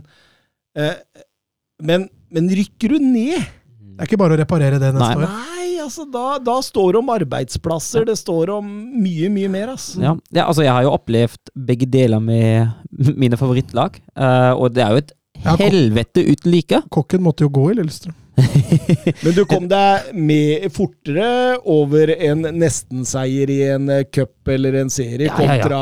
kontra, nedrykket på altså, og, og, det har jeg jo snakka med, med, venner som heier på topplag om òg, at, uh, at når, når, de er nervøse for at de ikke vinner noe for i år. tenker jeg at Det er mye bedre å ikke vinne noe enn å rykke ned. Ja. Altså, det er jo det, altså, det verste, altså, Jeg er ikke nervøs før cupfinalen med Lillestrøm nå. Det er, det er, helt gull. Jeg håper jo at vi vinner den for all del. Uh, kommer til å heie som en galning fra tribunen. Uh, men verste konsekvens er ok, vi, vi, vi vant ikke helt. Vi nådde ikke helt opp. Mm. Uh, men det er, akkurat cupfinalen har en konsekvens fordi ja, jo, jo. du mister Europa. Jo, jo, Og den er jo kjip, selvfølgelig. Og den stinger faktisk mer ja. enn å tape selve cupfinalen. Den, den, er jo kjip, og jeg har jo selvfølgelig veldig lyst på at Lillestrøm skal ta det cuptrofeet. Uh, det er ikke det, men hvis jeg, hvis Du kan jeg... ikke sammenligne dommedag, vet du. Nei, Nei, Nei men, men, jeg tenkte når vi slo Bodø-Glimt i semifinalen, så tenkte jeg fader, der røyk Europa! jeg gjorde det! hadde Bodø-Glimt vunnet der, så hadde jeg tenkt ja, ja, vi får Europa i hvert fall. Eh, men eh, Southampton eh, Ja, kun teori kan redde dem fra å være første lag som rykker ned fra Premier League. Fotballmannen fotballmann på Twitter han spør hvor ender James Ward Prowse hvis det blir nedrykk? Mediene vil jo ha det til at både Tottenham, Villa og Newcastle skal være interessert i den. Jeg tenker jo de to siste der er veldig, veldig aktuelle. Villa og hva var det andre sa? Newcastle. Newcastle ja. Tottenham må for så vidt, men der der blir han jo en av flere, da. Ehm, så jeg tenker en overgang til til f.eks. Aston Villa eller Newcastle kan være Vi sa jo akkurat at Newcastle trenger en indreløper. Ehm, Villa trenger jo bedre bredde og bedre topp, tropp. Så og alle lag i verden trenger den høyrefoten, kanskje? Ja, det kan du trygt si. det, bare det er jo ja. en spisskompetanse å ha i laget. Den mm. ekstreme foten der, både på dødballer og Han er litt sånn klubbens mann, er han ikke det? Jo, kan han, han finne på å bli der? Ja, det tror jeg. Fordi han er jo født og flaska opp i klubben. Og, og, han er jo en leder. Han er kapteinen. Han virker som en sånn lojal, ærlig spiller. Så ja, det, det ser ikke bort fra det. Da hadde du gjort deg til legende i Southampton. Ja, det hadde ikke Harry Kane gjort hvis Tottenham rykka Men eh, nedrykksstriden videre, da? Hvem er, det, hvem er det som slår følge med Southampton? Jeg regner med de er gone. Leeds ser det jo dårlig ut for. Altså Hvis vi tenker form, da, så har jo Leeds eh, den svakeste formen. Eh, det er klart Leicester Everton før seieren nå så jo også mm. veldig don ut. Eh, altså, altså, Hvis du ser på programmet igjen til Leeds, da. Mm. Newcastle hjemme, Westham borte, Tottenham hjemme. Den er Den er tøff. Den er fryktelig tøff, altså. Jeg kan ikke helt se for meg at, uh, at de klarer å Jeg syns også Leicester ser litt sånn ja, Liverpool hjemme, Newcastle borte, Westham hjemme. Den er ikke enkel. Den Nei, altså jeg tenker Leicester går ned, og så, blir, og så tror jeg Forrest faktisk klarer seg. Tross, tross Chelsea borte, Arsenal hjemme, Palace borte. Ja, den er lei, faktisk. Den er jævlig grei. Det er, det, det er Altså, sånn jeg ser det, så er det Everton som har størst sjanse til å holde seg av de resterende der. Og så, så står det litt mellom Leicester, Leeds og Nottingham Forest. En av de tre klarer å holde seg. Så Hvor mange poeng tror du holder, da? 35? Men, altså, hvis, jeg tenker, hvis, hvis, ja, altså, hvis Forest bare vinner den der siste kampen uh, mot Leicester, Ja. så er mye gjort for dem. Altså. ja. Fordi jeg tror det holder. Jeg tror det holder for Forest holder med tre poeng til, tror jeg. Jeg kan ikke se for meg at uh, Leeds og Leicester tar voldsomt mye igjen. Hvis du ser målforskjell, da, så er jo Forrest svakest Ja. av de som kjemper der. sånn. Uh, Leicester har jo Men- klart best målforskjell. Men tror du de to tar seks poeng av de siste tre kampene? Leeds og Leicester? Nei, det blir, blir tøft, men det holder jo da med å ta fem, da. Selv om vi nettopp har sittet og sagt at uh, i nedrykksstriden, der skjer det overraskelser. Ja, det kan jo det. Altså, Det kommer jo en desperasjon inn der etter hvert, som kommer sikkert til å bli utslagsgivende for et eh, par av laga, men eh, Nei, altså, jeg, jeg tror uh, Ja, nei, jeg har ikke noe god følelse for Leicester, og så er det uansett kjipt hvem som rykker ned av Leeds, Everton og Forest, for jeg føler alle tre bør det være i Premier League. Jeg freder Everton litt, jeg, altså. Så lar jeg det stå mellom de tre. Men. Og så er det litt kjipt, da. Leicester vant seriegull i 16, var det? Mm. Rykker ned da, altså sju år etterpå. Det, det har gått, uh, gått dårlig i denne sesongen, ingen tvil om det. De har ikke fått Der er det mye, Liksom der er det mye interessante spillere som må bort, altså. Det er det. det er det. Eh, I den andre enden da, så rykker eh, Burnley opp med 101 poeng, 10 foran Sheffield United, som også rykker opp. Eh, Winston Company skriver ny kontrakt, fem år, og forteller til alle at det føltes riktig ut fra dag én. Og, og fem år, det er jo et statement! Ja, det er voldsomt. Det, Han, han var ikke blitt ansatt i Chelsea? Nei. Det, men det, altså, vi, vi veit jo ikke, det kan jo han ha en utkjøpsklausul. For all del. Men eh, ja, det altså særlig for en, for en ung trener som nå visstnok er jo såpass ettertrakta som han er. Han vet jo sjøl om eh, sin egen markedsverdi. gjort en enorm jobb der. Altså, han mista Nick Pope, Nathan Collins, Maxwell Cornet, Dwight Neal, Wout Weghorst, Ben Mee og James Tarkovsky til nedrykket. Og så, og og så snur de altså, og, og går opp med en av de største poengsummene som har, har vært. Og det spiller jo en type fotball som Ja da, den er moderne og fin, men, men med denne stallen her tror jeg den blir avslørt i Premier League, så her må de forsterke godt, altså. Eh, Tre-fire nøkkelspillere der på, på opprykket er jo på lån. Eh, Harwood Bellis fra, fra City og, og Madsen fra, fra Chelsea, og ikke minst Nathan Tella fra Southampton, da, som har jo vært enorm denne sesongen. Um, Tella må spille championship neste år òg. ja, uansett om han blir eller om han Jeg har hørt de har ordna noen, noen noe mulig noe sånn klausul, kjøpsklausuler på et par av dem der. Blackburn eh, gikk jo riktignok utenfor Ja, de snudde jo. Strålende match bort mot Millwall. De snudde det, men det var ikke nok. Nei. Eh, Jørgen Nystuen lurer på hva du mener om at Brett, uh, Ben Brereton Diaz forlater Blackburn til fordel for Villarreal på free transfer. Mm. Nei, det var jo en av de mest profilerte spillere de hadde, da. Kanskje sammen med Bradley Dack. Uh, Så det er klart det mister kvalitet. Han har vært litt skadeplaga i år, Diaz. Så han, han har ikke spilt så fryktelig mye, men han viser jo i siste kampen her at han, han blir et tap. Det er ingen tvil om det. Eh, Jeg tror han kommer til å ta nivået i Villarreal ganske bra. Eh, Så får vi se. Statementet kom liksom i timene etter at det var klart at Blackburn ikke klarte playoff. Jo, men at han skulle til Villarreal, eh, var visst lenge. Ja, ja, ok. Ja, det er okay, lenge siden jeg har lest det. Ok, ja. Så han har de signert. Det hadde vært kjipt hvis de rykka opp i Premier League, da. Jo, men det var Det er flere måneder siden jeg leste at han skulle til Villarreal. Eh, Så de signerte han på Bosman. Eh, Eivind Stølen, Luton, Middlesbrough, Coventry, Sunderland. Det er lag folk har gamle minner av på den øverste nivået i England. Hvilken av dem er det siste laget som rykker opp, og hvilken håper dere på? Sunderland til Adai-serien vil jo få en ny dimensjon om de tar seg opp to år på rad. Luton, når var de siste Var det 93 eller noe? Ja, det er lenge- det er lenge siden, altså. Ja, Det hadde vært kult å få dem tilbake. Altså. Det hadde vært skikkelig kult. Jeg, jeg Det er litt sånn Huddersfield når Ja, ja. de rykker opp, at jeg får litt den feelingen. Det går rett ned igjen, dette her, men eh, Jo, men det, det er kult med sånne lag opp med sånne klubber opp, altså. Det er lov å håpe på Sunderland nå, eller? Ja, det er jo det. altså det oppgjøret oppe i Nord-England der, det det. hadde jo vært jæklig interessant. Det er klart, det blir jo David mot Goliat de luxe neste år, da. Men eh, ja, det hadde vært litt fett. Eh, Middlesbrough og Coventry. Coventry. Åh, Darren Dublin, husker han? For en spiller, ass. Spiller han fortsatt på Highfield Road, eller?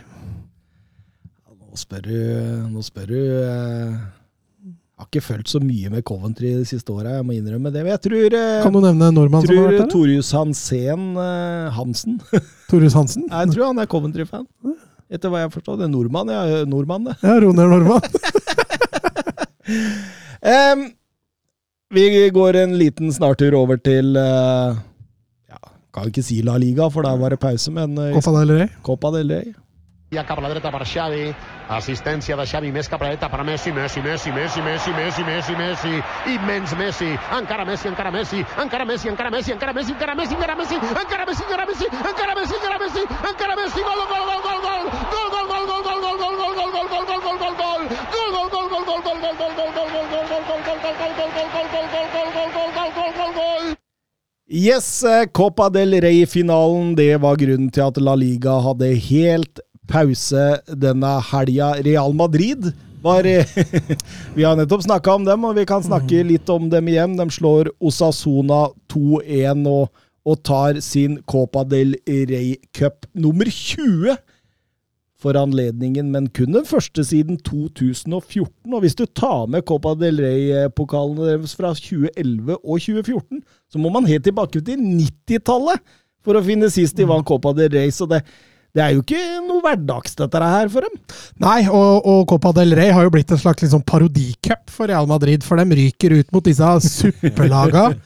eh, og et år der så ble røyk de ut fordi de hadde brukt spillere som var indisponible, så de ble kasta ut, rett og slett, av cupen. Og så har de jo alltid hatt litt trøbbel da med Barcelona i, i Copa del Rey. Eh, så nei, det har ikke vært en enkel cup for Real Madrid å vinne, og, og, og i år gjorde de det virkelig med stil. Eh, slo jo Atletico og Barcelona på På veien. på veien dit, og ja, jeg blei jo en herlig ramme. Det var vanvittig mye Osasona-tilhengere der som eh, det er klart Det mest interessante for dem var jo at tribunen de sto på, tok fyr underveis der. og Det, det blei jo nesten litt skummelt å stå der etter hvert. Men eh, det, det gikk ikke utover stemninga, heldigvis. For det, det, det så litt skummelt ut, faktisk. Mm, mm. Hardbarka, disse fansa fra Osasona som står der og, og jubler videre, men uh... Nei, det blei jo en ellevill Eller ellevill. Starten blei ellevill. Eh, Real Madrid går rett i angrep der, og, og Rodrigo får en enkel jobb når han får ballen på bakerste og setter inn 1-0 før det er spilt to minutter der. og det nest kjappeste målet i en Copa del Rey-finale i historien når eh, Real Madrid tar, eh, tar en tidlig ledelse der. Eh, dominerer første ti minutter kvarteret, før Osasona sakte, men sikkert spiser seg litt inn. Eh, ikke så lett å se om det var noe Real Madrid tillot, eller om Osasona rett og slett bare var veldig gode. Men, men jeg tror Osasona brukte litt tid på å venne seg til omgivelsene og sånne ting, før de eh, tok litt tak i det.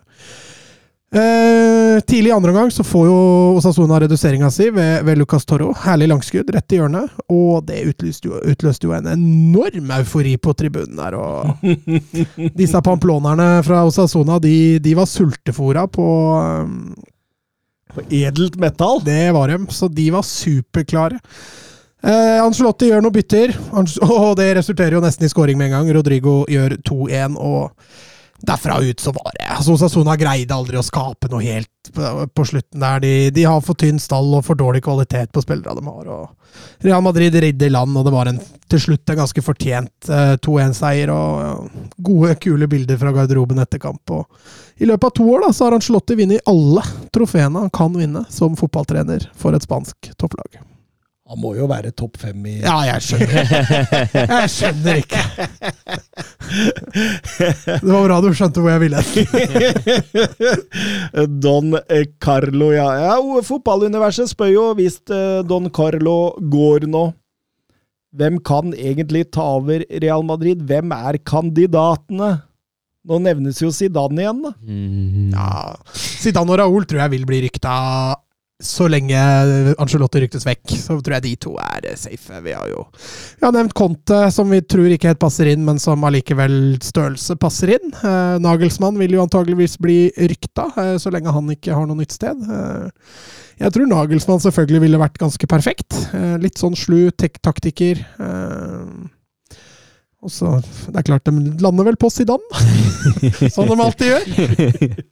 Shabi Alonso er også nevnt, og det har vært noen små, små snakkiser om Miquel Arteta, men det er vel vanskelig å lure han ut av det Ja, Arsenal-prosjektet. det har vi snakka om før, og jeg tror ikke han forlater den skuta nå. Nei, absolutt ikke. Eivind Stølen, eh, Modric og Cross går mot nye kontrakter. Eh, Dette visstnok uavhengig av om Bellingham er på vei inn. Litt av en midtbane de kan få neste år. Men er det i tilfelle fortsatt plass til alle for å gjøre dem fornøyd gjennom en hel sesong?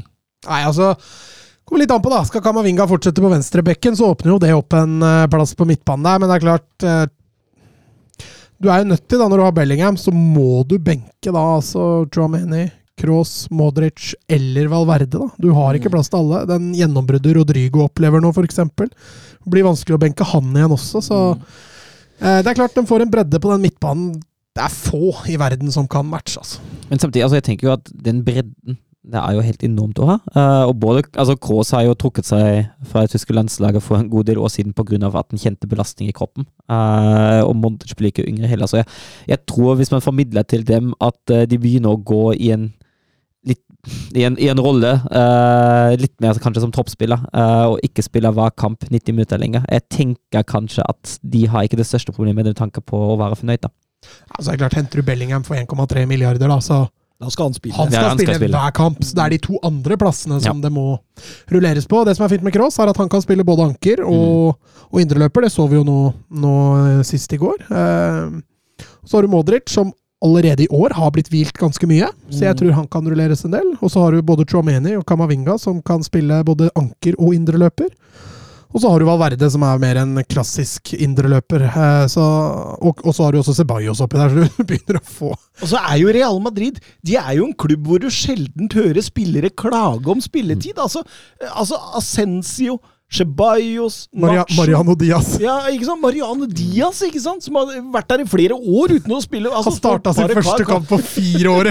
Sånn som jeg forrige helg. Jeg tror jo Mariano Diaz har litt andre krav enn enn de Jo, andre jo, der. men, for men, men, men, men Mariano Diaz kunne fint spilt i en midtklubb, Ja, ja, ja. table-klubb i league Ø, han. Ja, selvfølgelig. Og, og, men, men, men det er det, det der er formen av det å være i Real Madrid, da. I, i, i kongens uh, fotballklubb, i, i en av verdens største Altså, det har så mye å si for veldig mange spillere, og særlig de spillere som er i de på det trappetrinna under de aller, aller beste. Det er klart det hadde, hadde Mbappe kommet dit og blitt rullert, så hadde det blitt et helvete, ikke sant?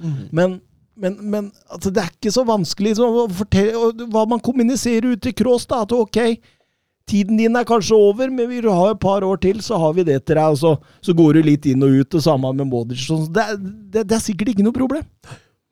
Nei, så er det jo litt sånn hvor du er i karrieren. da. Modric får jo sikkert ikke småpenger for å ta et år til, og samtidig som han eh, kommer til å få spille en del. Du ser jo allerede mot City der at det er for en spiller, liksom. Så det er nedtaket han ja, ja. Mm. Eh, så de finner nok alltid plass til en Modric, men, men med de forutsetningene du, du nevner, da, med at de, de kommer ikke til å spille 38 kamper i La Liga. Kanskje nærmere halvparten. Det går aldri en 90 minutter-episode uten et eh, Barcelona-spørsmål eller to, heller, eh, André Schjelderup. Eh, hvis det stemmer at Barcelona må ha 20 millioner euro før neste sesong, hvilke spillere ville Mats solgt for å få disse pengene inn? 20 millioner? 200 millioner. 200 millioner. Tenkte det holder med bare å selge en halv en. Et par kanoner eller flere små?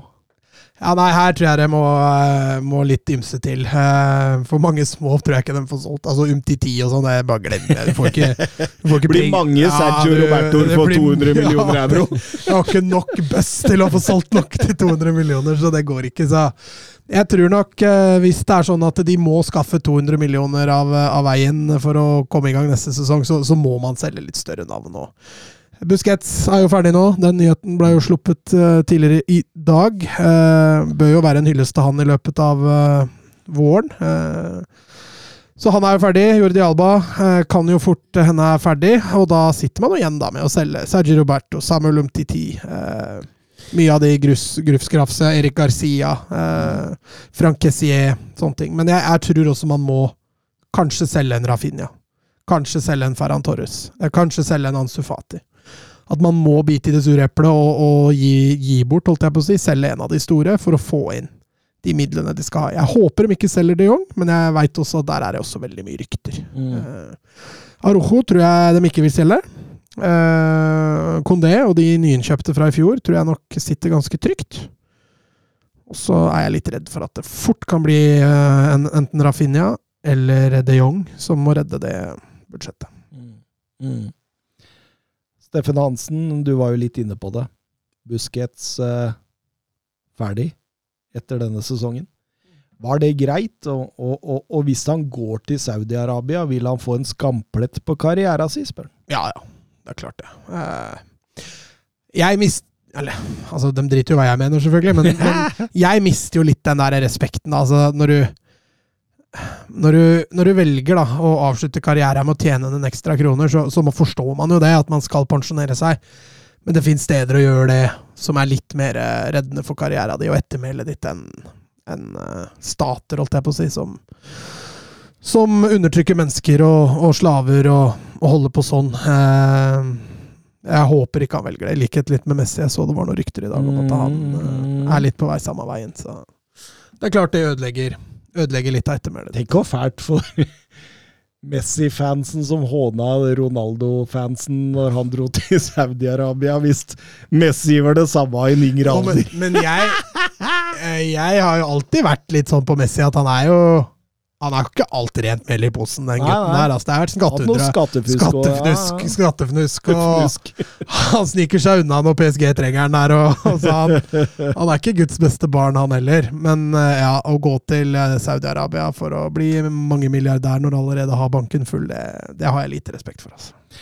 Men 719 kamper for Barcelona, 32 titler eh, når gullet er inne i hus denne sesongen. Eh, vi snakker jo om en spiller som omtrent har definert en egen rolle i fotballen. Altså, altså en av som, som, vi sikkert om 10-15 år kommer til å snakke om som en av de største ikonene i, i fotball-Europa her. Ja. Jeg er helt enig. Han var med å definere den sekserrollen. Eh, der man feller før veldig ofte snakka om Roy Keane og David Batty og, og den type seksere, eh, så tok Busquets det hele til et nytt nivå. Han var fortsatt en stor ballvinner, samtidig som han var en kreativ ballfordeler. og og jeg syns uh, Del Bosque uh, sa det jo fint. altså Ser du Busquets, så, ser du jo ikke Nei, ser du kampen, så ser du jo ikke Busquets. Men ser du Busquets, så ser du kampen, og det Selvfølgelig veldig filosofisk, men allikevel litt sannhet i det, da. Uh, og for meg tidenes beste defensive midtbanespiller. mest fordi det han bidro med offensivt, samtidig som han beholdt den defensive kvaliteten en sekser skal ha. Og vil jo bare fortsatt gå under kallenavnet Blekkspruten fra Badia der, for han var uh, Han hadde lange bein, altså. Blir litt som podkasten vår, det, vet du, Søren. At, uh, at uh, Hører du på podkasten, så hører du Dupker. Hører du på Dupker, så kan du fort høre på Are Motak òg. Det er det du Ja, for der sitter han og snakker om de to andre. da, da, hører du ikke mye 90 minutter. Å, fy faen. Kommer med all den hatet sitt eh, inn i Are mottak. Jeg hater ingen. Nei, det jeg hører du sier det, men uh, Men Dupker, jeg så en diskusjon på Twitter her. Ja. De snakka Fordi Busquets er jo på en måte den siste fra den der gylne mm. pep Altså, eh, Piquet forsvant. Ja, det må jo forsvinne én etter én. Valdez, Messi, Xavi, Niesta, Pedro, eh, Dani Alves, Erik Abidal, ja. Puyol, Piquet og nå Busquets. Ja, den siste mohikaner der. Og, eh, og da ble det snakka om eh, viktighetsgrad. Altså, de satt Messi selvfølgelig som det viktigste i denne perioden. Var han viktigere enn Iniesta og Savi, eller var han Altså fordi oh. I forhold til det å kunne erstatte den, da. Altså, man har jo erstatta egentlig Shawi Niesta Nesta på en god måte med, med, med, spillere fra eget produkt, rett og slett. Altså, Gavi det tok tid. ja, det tok jo mm. tid, men likevel, de har klart det. Det blir veldig vanskelig å, å erstatte Busquets. Altså, det nærmeste vi har, er kanskje Rodri City. Og ja. Jeg er helt enig. Han er ikke like god offensivt. Uh, men han er like god ballvinner. Han, han, har litt andre attributter som Busquets ikke har. Men, men den kreativiteten da, i å, i å, sette i gang bakfra, og det å, Altså, Busquets har jo øyer i nakken som sekser. Det er veldig få som hadde den egenskapen. Eh, Så den blir vanskelig å erstatte. Eh, Og jeg tror de er på ville veier hvis de tenker at de skal ha en lik spiller som Busquets. Da tror jeg de bommer. Det går ikke, men samtidig spiller jo Barcelona nå sånn annen fotball. Eh, hadde de vært like underholdende som, som under Guardiola, så hadde det vært noe. Men Og det er, det er jo noe med det, at fotballen i klubben også har forandret seg. Så det er jo Altså, jeg mener jo at topplag trenger jo en sekser som også har offensive kvaliteter. Mm. Uh, de der støvsugere som bare er ballvinnere. Uh, litt sånn den der uh, si Gilavogi-typen, da, som Wolfsburg har. Uh, det, det er litt sånn mer sånn bunnlag nedre halvdel-sjikt, føler jeg. Uh, du trenger en sekser som faktisk kan spille offensivt òg. tror kanskje Altså, som Mats er inne på, jeg tror kanskje ikke man eh, klarer å finne en, uh, en rein buskets igjen, da. Men man kan finne en sekser som har offensive kvaliteter. Ja, For å svare på spørsmålet ditt, jeg tror Messi er selvfølgelig nummer én. Eh, det er veldig vanskelig å rangere Busquets foran Iniesta og Xavi, men hvis du tenker på viktigheten da, han hadde i det laget der eh, Touré, Yaya Touré, som var der og hadde rollen før Busquets, tok man jo og solgte fordi man visste man hadde Busquets. Og Mm. eh, det valget tror jeg er noe av det smarteste de har gjort i Catalonia siste, siste året. Fordi Tross den store stjernen ja, altså jeg, jeg sliter med å få meg til å si at Busquets var viktigere enn Xavi Niesta, men på en måte så var han jo det. Men uh, Puyol, da? Viktigheten Jo, han han som en leder? Ja, som en leder, selvfølgelig, men på banen, da, altså i, i Pep-systemet, i Barcas måte å spille fotball på, da, eh, så blei jo Busquets en helt avgjørende brikke. Uh, Mm. Nettopp pga. de tributtene vi, vi nevner. Eh, Det er vanskeligere for Xavi Uniesta å briljere, og Messi òg, for så vidt, hvis du ikke hadde hatt en Busquets, da. Ja, jeg er enig i det. Eh, velfortjent hyllest til Busquets, så håper vi han holder seg unna Saudi-Arabia. Skal du ikke nevne din eh, beste når han ligger og titter opp der på Inter? Du har ikke lyst til å ta den med i hyllesten der? Den eh, Jeg kom aldri ja, det var flere år etterpå vi prata om den. Var det Tiago Motta, var Ja, det ja, det? ble Og- utvist der med Mourinho der. Hvor han Rull- overspiller, ruller rundt, og når dommeren da kommer løpende mot uh, Tiago Motta der, det er semifinalen i Champions League, er ikke det, så, så, så holder han seg for ansiktet, og så titter han fram mellom fingrene sine for å se hva skjer her. Men det er den kyniske delen av nå. Han var jo veldig kynisk. Han var en overspiller. Ja. Der blei han mye bedre. Mm. Eh, Det var i de yngre dagene hvor han var på sitt verste. Han blei litt hva skal vi kalle det, røffere med åra. Ja, han blei det. Eh, da er det Bundesliga, Søren. Er macht ein richtig gutes Spiel. Jan Schimonek. Die Wolfsburger lassen so gut wie nichts zu. Grafit.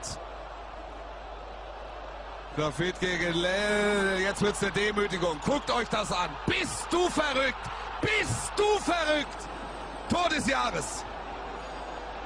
Die Bayern der Lächerlichkeit preisgegeben. Yes, og vi begynner selvfølgelig med gullduellen der, for det er faktisk en gullduell i, eh, i eh, serierunde nummer 31. Det skulle man ikke tro.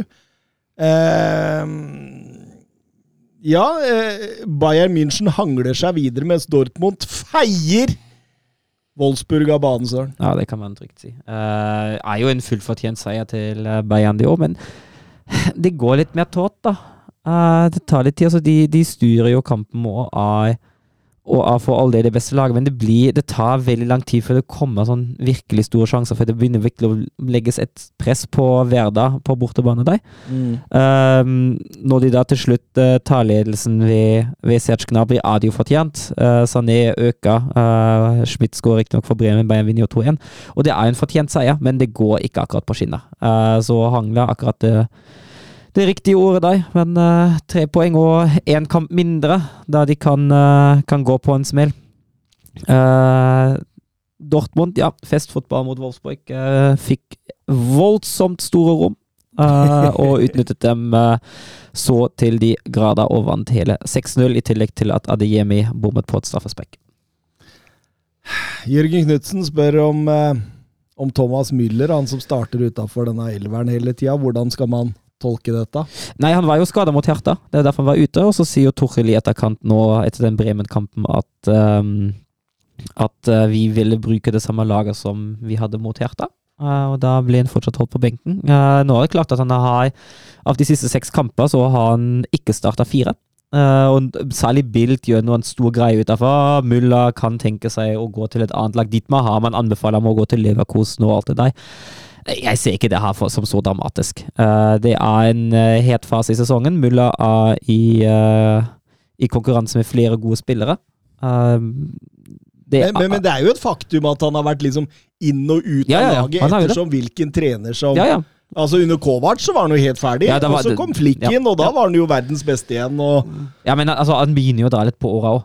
man så det jo under VM òg. Han har jo ikke spilt et bra VM. Uh, så jeg tenker jo at det er helt naturlig at en spiller i, i den alderen her uh, begynner å sitte litt mer på benken, og, særlig når det kommer unge og lovende spillere som Musiala etter, som eh, sitter på den posisjonen der. Eh, jeg tenker at det er, det er naturlig, og så får man se. Bayern, Thomas Müller er jo kanskje mista Bayern München, uh, og det, det er vanskelig å se for ham seg i en annen klubb. Uh, det er jo bare Bilt som har tatt opp uh, ryktene om at det kan være noe på vei bort. Jeg har ikke sett det i noen andre medier ennå, så vi får se. Um, jeg tenker at Toril han, han velger det laget som han mener er best skikket til å ta tre poeng per runde. Og Mulla er en, er en del av, eh, av de 14-15-16 spillerne som kan starte.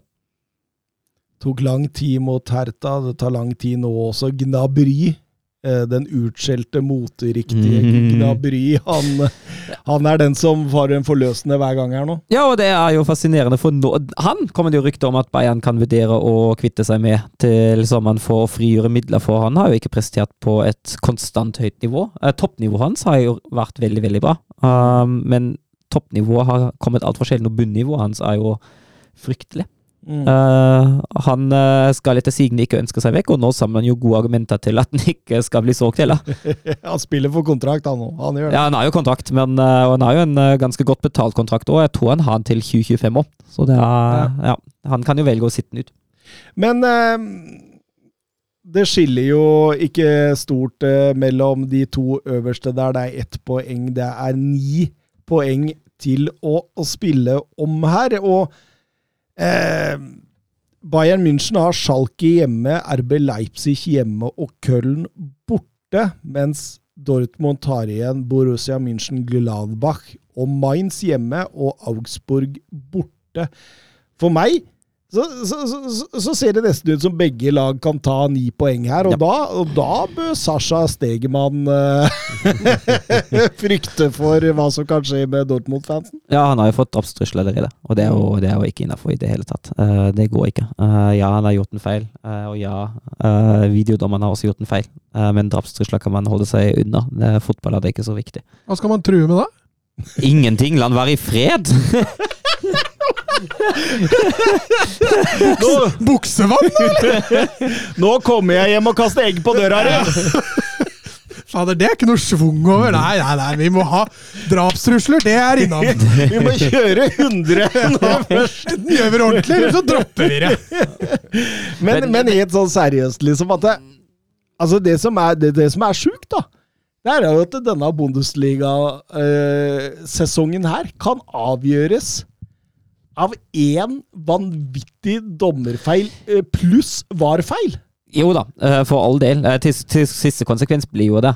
Ja, altså det, det, det er en veldig stor konsekvens i forhold til åssen innspurten har vært der. Eh, samtidig syns jeg jo ikke det er helt riktig å bare skylde på dommeren. som sagt. Jeg har vært inne på samme dommeren ga jo ikke Frankfurt straffe i en kamp Dortmund vant 2-1, eh, som han burde ha gitt, og da er vi, er vi even Steven i, i regnskapet der. Eh, og så har jo Dortmund også et ansvar. Altså, ja, jeg skjønner, jeg skjønner frustrasjonen til Dortmund-supporter med dommeren, jeg gjør jo det, for all del.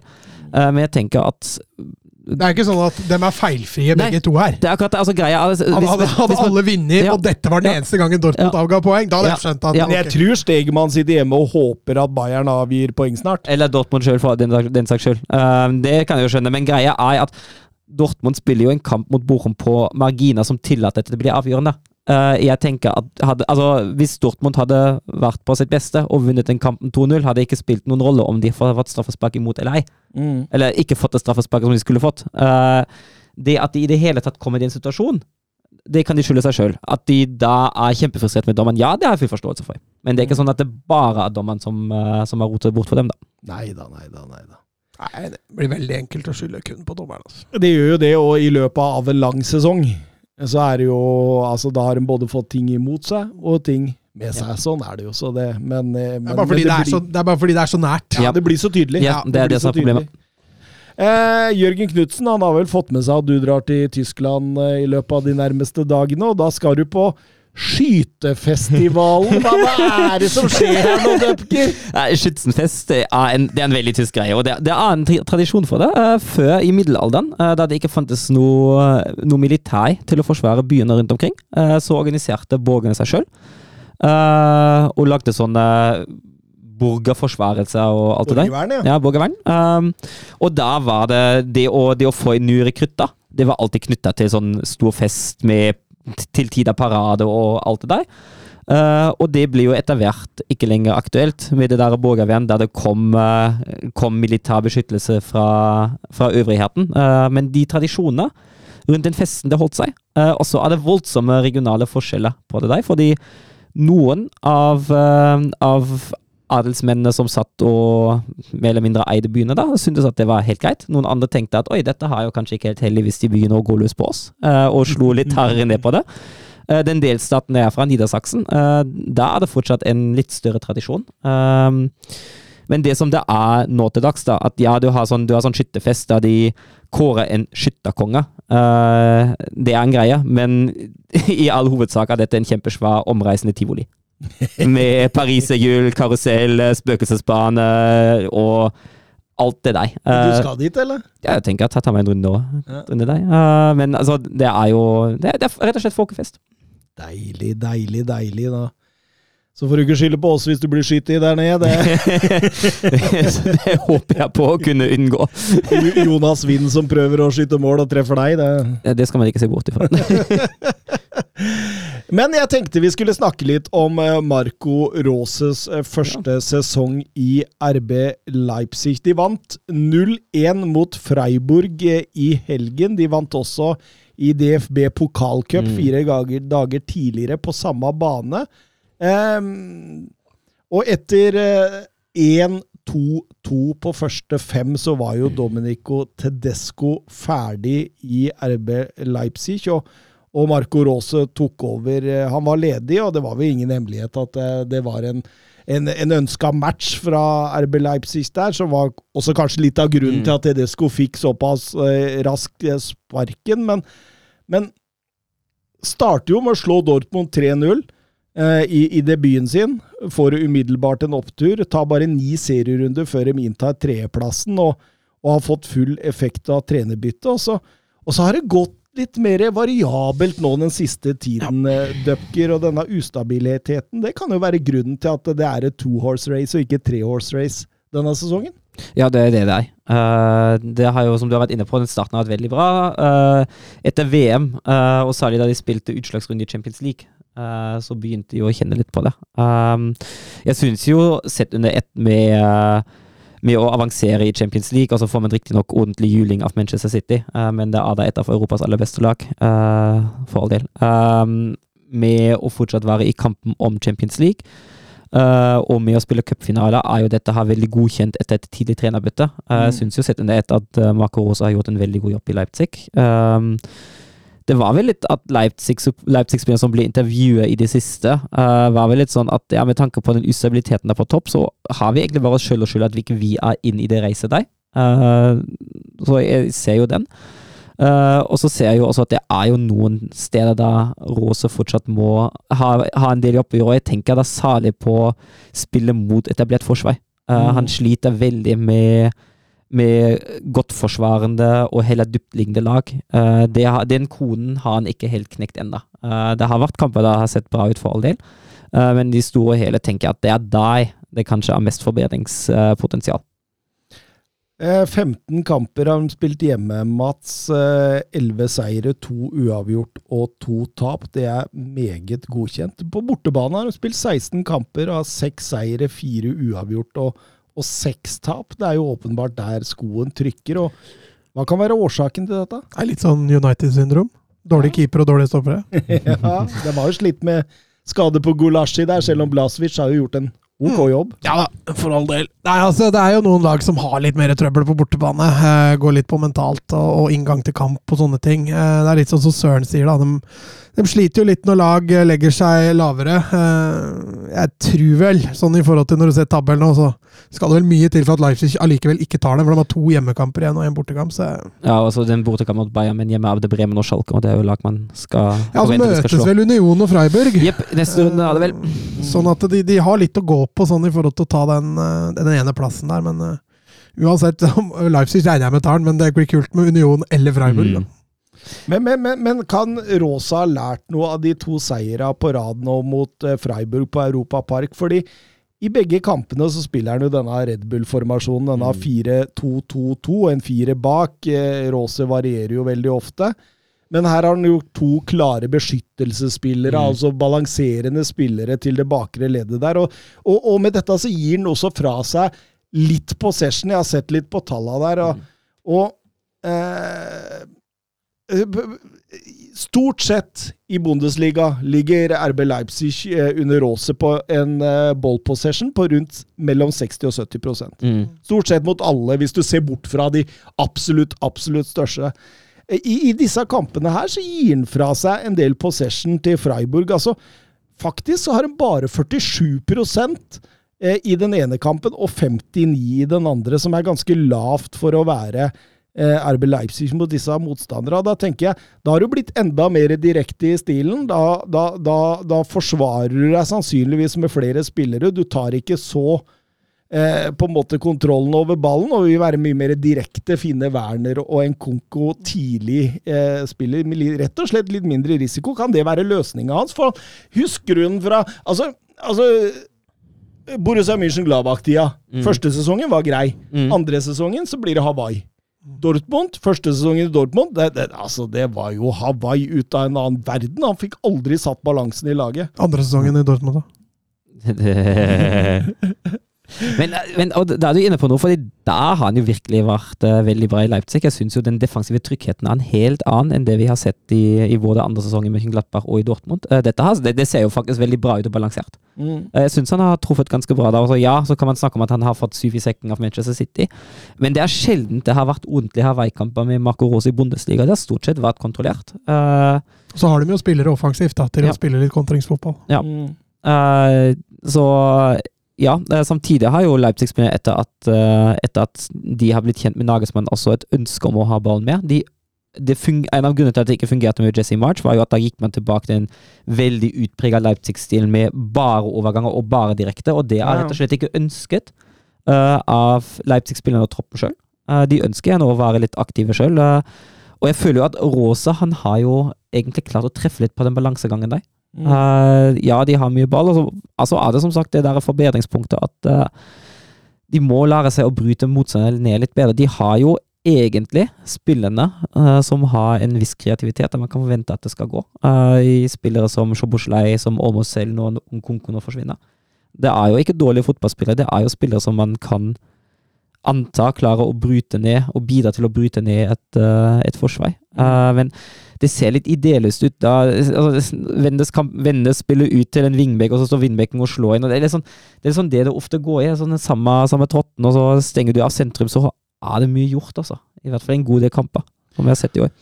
Og så må de få videreutvikla dette. Nå er jo Konrad Leimer gone neste sesong. Det samme er Kristoffer Nkunku. Har erstatta disse i god Red Bull-ånd med Nicolas Seivald og Benjamin Sesko fra, fra RBL Salzburg. To unge som går Red Bull-trappestigen og og som de har fått relativt billig. Det er vel 44 millioner euro på disse to til sammen. Det er vel en halv Nkunku. og og, og spørsmålet blir jo, klarer man å beholde spillere som Guardiola og Olmo? Det er jo som det er stor interesse rundt. Det, det, det må man jo se på. Så, så må de treffe bedre på de der etablerte kjøpa Ja. sine. Altså David Raum, Xavi Slager. Eh, de brukte nesten 50 millioner på de sist sommer. De har ikke innfridd, det må jo være lov å si. André Silva året før. Mm. Eh, ikke i nærheten av nivået han hadde i Frankfurt. Så, så, det, så det må jo treffe på overgangsmarkedet der, og det føles mest trygt når de henter fra Red Bull-systemet, rett og slett. Ja, for det er jo spillere som er jo pirka inn i hvordan klubben er, eh, hva som er hovedfilosofien til klubben. Eh, ja, man må jo sikkert justere litt for å komme til en ny trener, og alt det der, men grunnlaget er jo deg. Alle veit hvordan Red Bull-lag spiller, i hvert fall i store hele. Og selv om, uh, om Rose ja, de skal ha litt mer ball, men det grunnleggende sitter. Helt klart, helt klart. Hvem tar Champions League-plassene? Det er det, det, det, altså Dortmund og, og Bayern München, eh, selvfølgelig. Leipzig, det ser jo sånn ut. Leipzig tar dem, det er jeg helt enig i. Og så er det jo altså Den kampen nå mellom Union og Freiburg den blir jo ekstremt avgjørende. Union har i dette, dette igjen Hoffenheim borte og Bremen hjemme. Begge er ganske overkommelige. Ja.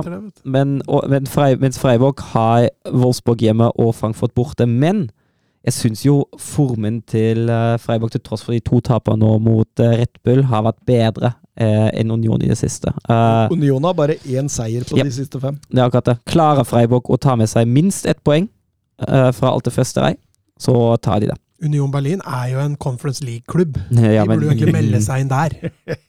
Nei, jeg, jeg, jeg, holder, jeg holder en knapp på Freiburg. Jeg gjør det. Deilig. Eh, Jørgen Knutsen, han er glad i tysk fotball. Eh, Mainz mot Schalke. Skal vi si VAR-systemet endelig ble benyttet på en korrekt måte, og underholdningsmessig var dette den beste Bundesliga-kampen denne sesongen. Ja, en av de bedre, i hvert fall. Uh, fryktelig eh, gøy fotballkamp, særlig som nøytral, uh, når de ikke sitter med, de, med, med nerver sjøl. Det er flott fotballkamp, altså. Um, når det var ja, uh, det er jo det straffesituasjonen. Uh, Kasi mot Bulta. Uh, fryktelig tullete av Kasi. Uh, Sentner har jo full kontroll på det innlegget uansett hva han gjør. Uh, men det er Bulta som begynner å dra i Kasi for å skaffe seg det forspranget, og så drar jo Kasi i trøya til Bulta at den står ut som et seil, og det ser jeg på Isolert sett er jo den avgjørelsen riktig, men man kunne like så godt ha dømt for Bultas, eh, Bultas eh, draing først, altså. Bulters draing, ja. Mye til bulter. Men, men, men, men Schalke da, Søren. Altså, du har jo meldt dem nord og ned gjennom hele sesongen, og, og, og, og det kan for så vidt bli rett til slutt, det, for de har igjen Bayern München borte, Frankfurt hjemme og RB Leipzig borte, så det er ikke noe lett. Men, men altså eh, Etter VM så, så gikk de jo på et par tap rett etterpå. Og så begynte de å holde nullen og, og fikk en god streak der. Eh, etter disse to nevnte tapa, så har de faktisk fem seire, seks uavgjort og tre tap på 14 kamper. Det er, det er mitt table, det, Mats. Mm. Ja, det de lå på før den runden her, så en tabell over bare andre halvdel av sesongen. Eh, De 13 kamper som var spilt, eller var det Ja, 13. Ja, det, det, det, det det er var- 16, tenker jeg. Ja, nei, nei, nei etter altså, Etter de, Soruk, Soruk-runde. Ja. Eh, De første, to etter, første to etter VM teller jo fortsatt med på Soruk, er ikke det tilbake? ja, Tilbakerunde, ja. Vi drar Ja. tilbake igjen. Men, eh, Eller var det kanskje etter runden nå, men uansett, da lå de på åttendeplass. Eh, Bare for andre halvdel av sesongen, uten de kamper som nå spilles. Men det er klart, jeg, jeg tror de trenger fortsatt poeng. Men de tre poengene som de tok i Mainz nå, de kan være ekstremt viktige. Eh, og Frankfurt hjemme, da er det faktisk en mulighet, for Frankfurt ser ikke ut uh, om dagen. Og vinner de den, så beholder de plassen. Ja. for én seier til der. Men Ja. det er klart de har dårligere målforskjell enn Stuttgart. Da. Det gjør at, Mm. de, at den kvalikplassen kan jo i hvert Ja. fall være ganske safe hvis de slår Frankfurt. Jeg, jeg, tror de går, jeg tror de taper både mot, uh, mot Bayern og Leipzig, uh, men at de tar en seier hjemme mot Frankfurt, som Frankfurt ser ut akkurat nå, det er ikke umulig. Så det, det, det tror jeg blir litt sånn den nøkkelkampen for dem. Den avgjørende kampen for dem. Mm. Eh, Nedrykksstriden der, da, Søren. Altså, jeg regner med at Augsburg klarer seg Ja, unna den verste. Eh, det blir Altså, så tenker jeg liksom Det blir jo et rotterace om å Mm. unngå de to siste plassene pluss kvalik her. Eh, Det kan fort bli jevnt helt inn Mm. der. Altså, man må, må nærmest vente til runde 34, tror jeg, før man får Ja. ordentlig svar, men uh... Jeg tror Hoffenheim klarer seg også. De har sett uh, bra ut. De skal ikke se bort ifra at de faktisk tar poeng uh, mot Wolfsburg borte nå. Og så har de, har de Union hjemme og en uh, kan hende en Eriksfinale borte mot Stuttgart. Ja, det kan bli spennende, den siste der. Jeg er litt mer bekymret for, for Borum også. Formen ser ikke bra ut, og de har jo utgangspunktet ikke en kvalitet i toppen som tilsier at de skal klare seg heller. Uh, det at de i det hele tatt er i den posisjonen eh, å kunne kjempe nå, uh, tre runder fra slutt, det syns jeg er en prestasjon i seg sjøl. Men programmet som de har igjen, da altså Siste runde i Leverkosen hjemme, den er knalltøff. Mm. Men Augsburg hjemme neste, og så borte mot Hertha. Det er, det er muligheter der også. Det, det, det, ser så åpent ut. Ja, liksom. og det samme, altså Stuttgart, eh, de har jo sett Altså, jeg hadde ikke regnet med at de gikk på en smell nå mot Hertha. Nå så det jo veldig stabilt ut med to seier og to uavgjort de siste fire. Uh, og så kom det en smell nå borte mot, uh, mot Hertha. Uh, og så har du Leverkosen, Mainz og Hoffenheim igjen. Det, det er ikke lett, det hele. Altså. Dette har, dette har vidåpent. Det kan skje veldig mye. Eh, og jeg syns det er fryktelig morsomt, i hvert fall når man sitter der på utsida og kan se på det. Det har vært et helvete å være involvert der sjøl, altså. Men, men, men for å være litt sånn eh, tøff i trynet og Jørgen Knutsen-sympatisør nå eh, Tror du fortsatt Schalke rykker direkte ned? Jeg kan jo ikke vingle, det går jo ikke an. Men uh, det er klart at de, de tre poengene som vi tok nå, eh, som sagt, de kan være, de kan være helt, helt avgjørende. Uh, slår de Frankfurt, går de ikke ned. Det tror jeg ikke. Men uh, de trenger flere poeng enn de 30 de har nå. Det er, det er jeg rimelig sikker på. 80-20. Så langt hadde jeg ikke gått nå, nei. Nei, men uh, uansett, altså, jeg, jeg, jeg håper jo at Schalke klarer seg. Jeg håper ikke at de skal gå ned. Eh, Det hadde vært ekstremt synd å miste Schalke igjen til andre Bundesliga. Vi trenger de oppgjørene mot Dortmund. Vi gjør det. Jørgen Knutsen ønsker at du skal snakke litt om Hertha òg. Ja. Hva, hva er det som har skjedd der, Søren? Da kom det en melding nå fra Süddeutsche Zeitung på mandag, var det vel. Uh, en stor overskrift at uh, da var det en som sitter med Altså Nå er det jo tida for, for lisensutdelingen, og klubbene må jo sende inn de der økonomiske greiene sine til eh, DFL, eh, fotballigaen. Eh, og da hadde de Süddeutsche sitert en medarbeider som sitter med det, og sier at ja, Hertha, det er det verste tilfellet vi noensinne har hatt. Og det var jo ikke akkurat eh, beroligende. Det er visst eh, en, et voldsomt rot, voldsomme problemer i den økonomiske situasjonen. De risikerer å miste lisensen sin. Hvis de mister lisensen til Bundesliga, har Sky nå meldt at det kan hende at de blir sendt ned til minst regionalliga, som er fjerde nivå. Minst. Uh, for de har da, uh, hvis de mister til Bundesliga, har de nok ikke råd til å kjøpe den i andre Bundesliga heller. Uh, og tredje er jo også profesjonell fotball. Så det er fryktelig alvorlig. I tillegg kommer da at den nye dealen med Investor 777 etterforskes for brudd på 50 pluss 1-reglementet til DFL. Eh, for det kan se sånn ut at Herta, i jakten på, eller i desperasjon etter flere økonomiske midler, har kanskje gitt dem litt mer fullmakter enn det de egentlig kunne ha gjort, med tanke på 50 pluss 1-regelen. Men, Um, men, men, men, men det der er 50 pluss 1, Søren. Ja. Fordi det er jo ikke alle klubbene som har det. Da blir det jo jævlig fælt å straffe Hertha for det. Ja, men eh, det, er, det er en unntaksregel eh, som Leverkosen, Wolfsburg og Hoffenheim har. Eh, og den unntaksregelen tilsier at hvis du har en lokal økonomisk bedrift som har engasjert seg i klubben i mange år, så er det mulig å gjøre noe. Altså, så er det mulig å unngå 50 pluss og det har ikke 777. Nei, altså, det er jo en amerikansk investor. Uh, og ja, det er jo det er jo urettferdig. Den regelen ble egentlig laga for eh, Leverkosen, uh, og det unntaket de har med, med Bayer, og så utnyttet, eller benyttet Wolfsburg og Hoffenheim seg av den, de òg. Um, men Hertha kan ikke gjøre det. Nei.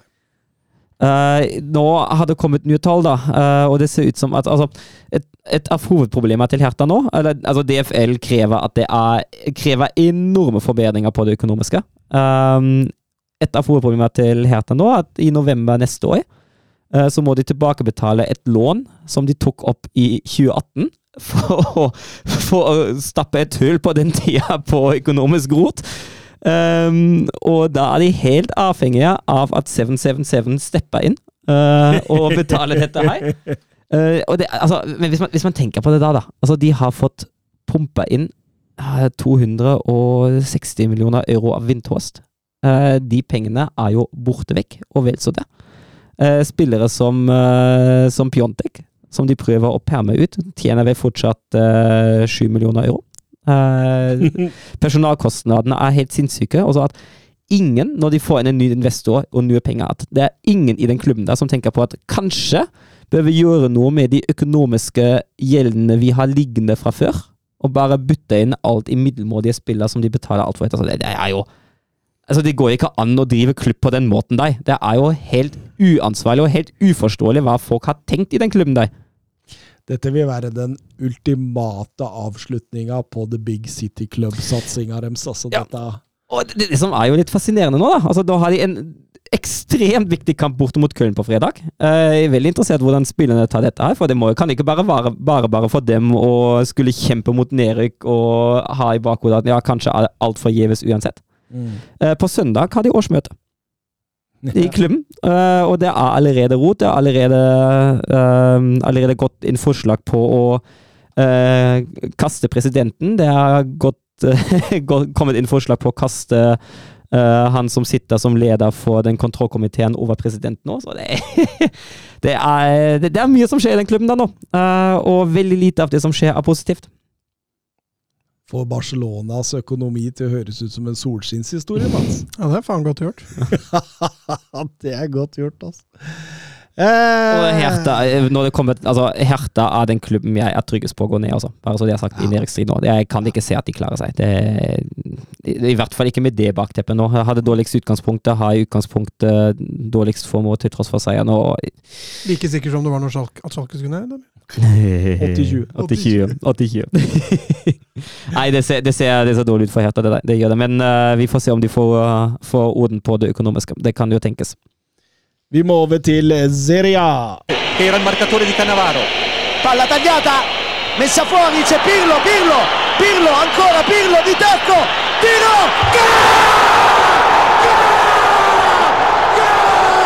Grosso, Grosso, gol, gol di Grosso, gol di Grosso. Eh, vi begynner med en, en hyllest, ja, en gullfeiring, til Napoli, som vant Scudettoen borte mot Odinese i midtuken. 33 år siden sist de vant. De vant vel både i 87 og 90 med, med Maradona.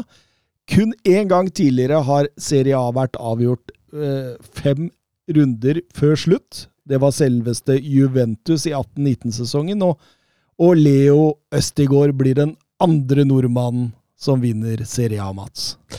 Ja, det er Bredesen, var det han du var på jakt etter? Uh, nei, altså, for, uh, altså Det kom noen videoer fra Napoli den uh, kvelden, og for et, en eufori! For, en, for, en, for et utslipp av følelser man fikk i den byen her. altså det virka som man hadde solgt en nødbluss på hvert gatehjørne. altså Det lyste jo opp hele byen. Eh, altså, den euforien og gleden og Hva skal vi kalle det? Altså, det er ikke, du ser jo ikke dette Nei, dette er argentinske, Ja. på en måte. Altså, du, du må ned til Sør-Amerika for Og så ser det ut som Bayern München vinner sitt 31. seriegull på rad. Altså, det er Ja, bare, Det er jo noe med at altså, euforien blir jo stor når du har lang, lang, lang, lang ventetid. ja, det er jo det jeg litt skulle fram til. da. Og, og Napoli med den historien og Nei, det er noe, det er noe euforisk over det, altså. Kvarasjkela som sitter i garderoben og gråter mens han får uh, trøst av, uh, av Alex Meret der. Eh, Luciano Spalletti med sine 64 år er den eldste treneren som vinner en Scudetto i Serie A's historie.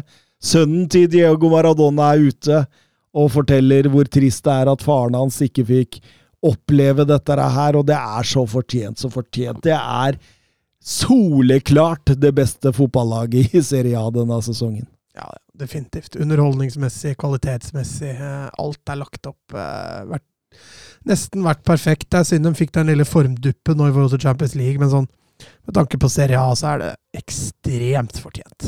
Og jeg er så glad, Søren, for at vi i 90 minutter omtrent var de eneste som hadde Napoli oppe i topp fire.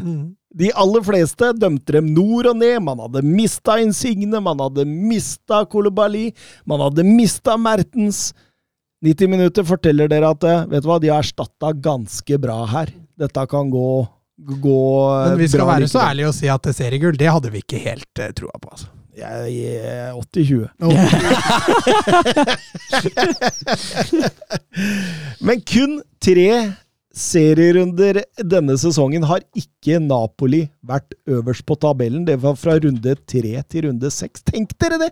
De har trona øverst på tabellen i stort sett hver jævla serierunde denne sesongen. Ja, Ja, de må jo ligge på toppen da, i 35 serierunder. Regner med de ligger på toppen de tre siste òg, så da, da blir det jo 35-38, da.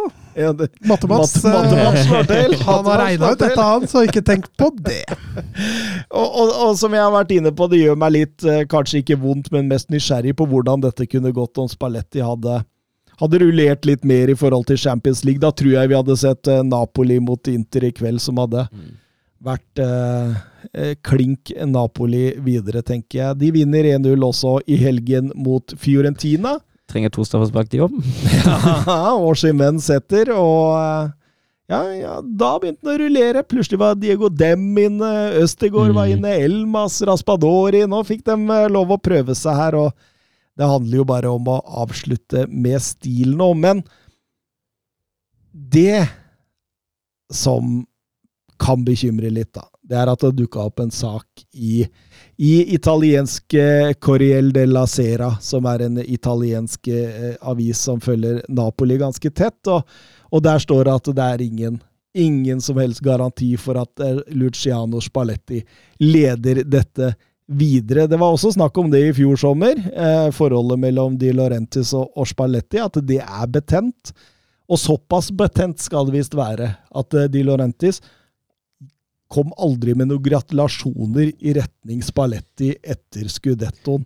Det er veldig, veldig spesielt i så fall. Det er fryktelig spesielt. Og så tenker jeg at det vet jo også Spalletti at så snart det går nedover igjen, eh, så sitter han jo på låntid. Eh, for da vil de jo bruke sin unnskyldning til å sparke ham. Eh, jeg skjønner jo da at han heller velger å forlate skuta etter den store triumfen, når han er en ettertrakta trener for andre klubber, istedenfor å vente opp for sparken. Fordi altså, det er jo vanskelig å kopiere den sesongen der. Uh, regner jo med at Napoli eh, kjemper i topp neste år for all del, eh, i hvert fall topp fire. Eh, men det vil jo alltid bli målt opp mot den sesongen jeg har hatt nå. Hvis du hadde vunnet det første seriegullet for klubben du hadde trent, Mats, på 33 år, og, og eier i klubben ikke hadde kosta på seg en liten gratulasjon til deg engang, hva hadde du tenkt da? Ja, jeg hadde jo tatt det litt personlig, selvfølgelig. Men det er jo som du sier, da, det er vanskelig å sette seg inn i den, vanskelig å sette seg inn i den situasjonen. Men uh, jeg kommer jo overens med alle. Så Ja. Det må jo være hans skyld, tenker jeg, hadde jeg tenkt. De Laurenti skal allerede ha en shortlist på managere som skal ta over. Eh, den inneholder tre navn. Antonio Conte er en av dem. Eh, Roberto Di Serbi er en annen, og den tredje er Fiorentina-manager Vicenzo Italiano, som også er i ferd med å skape seg et ganske stort navn i Italia nå, som en sånn nymoderne, nytenkende trener. Conte. Ja. Baracela spille wingback, da? eller? Ja. Høres veldig rart ut. Ja, det kan jo dra den 3-4-3-formasjonen, da. Men, Ja, eh, men det passer jo ikke inn i den stilen Napoli har hatt den sesongen i det hele tatt. Nei, det blir jo en, eh, en retningsforandring. Ja, voldsomt, da. Så får vi håpe da at de klarer å beholde sine, sine beste spillere. Jeg har allerede sett at de er blitt eh, linka til Kevin Danso, tilfelle de, de eh, mister eh, Kim baki der. Så det, det er jo sånne ting som kan skje nå, men vi får håpe de tar dette videre. Status i topp fire-kampen da, gutter. Det er vi, vi, vi, vi, vi, vi var um... Her er det lett å vingle, altså. Ja, det går fra runde til runde, og det, det er resultater vi ah. Altså, det er liksom morsomt, for Nå spilte jo alle de seks lagene bak Napoli Eller altså topp åtte spilte jo mot hverandre. Mm. Napoli møtte jo også Fiorentina, men alle de seks bak Napoli møtte jo hverandre. denne runden her. Milan eh, vant en jevn fotballkamp 2-0 eh, mot eh, Lazio. Roma-Inter endte 0-2 til Inter. For så vidt en jevn match der også, men nå er det jo slik at Roma spiller jevnt med de aller, aller fleste, da. Og, og Juventus tar en litt sånn grisete borteseier mot, eh, mot Atalanta der. Atalanta er det, egentlig det soleklart beste laget, men, eh, men Juventus skårer vel på sitt første skudd på mål ved Samuel Eiling jr. Og, og, eh, og kontrer inn 2-0 når Atalanta jakter utligningen der. Jeg står dere fortsatt på Roma som nummer fire, da? Nei, det gjør jeg ikke. Der har jeg vingla. Det, det, det ble skjebnesvangert, det, det 0-2-tapet mot Inter her. Jeg ser Mats smiler lurt.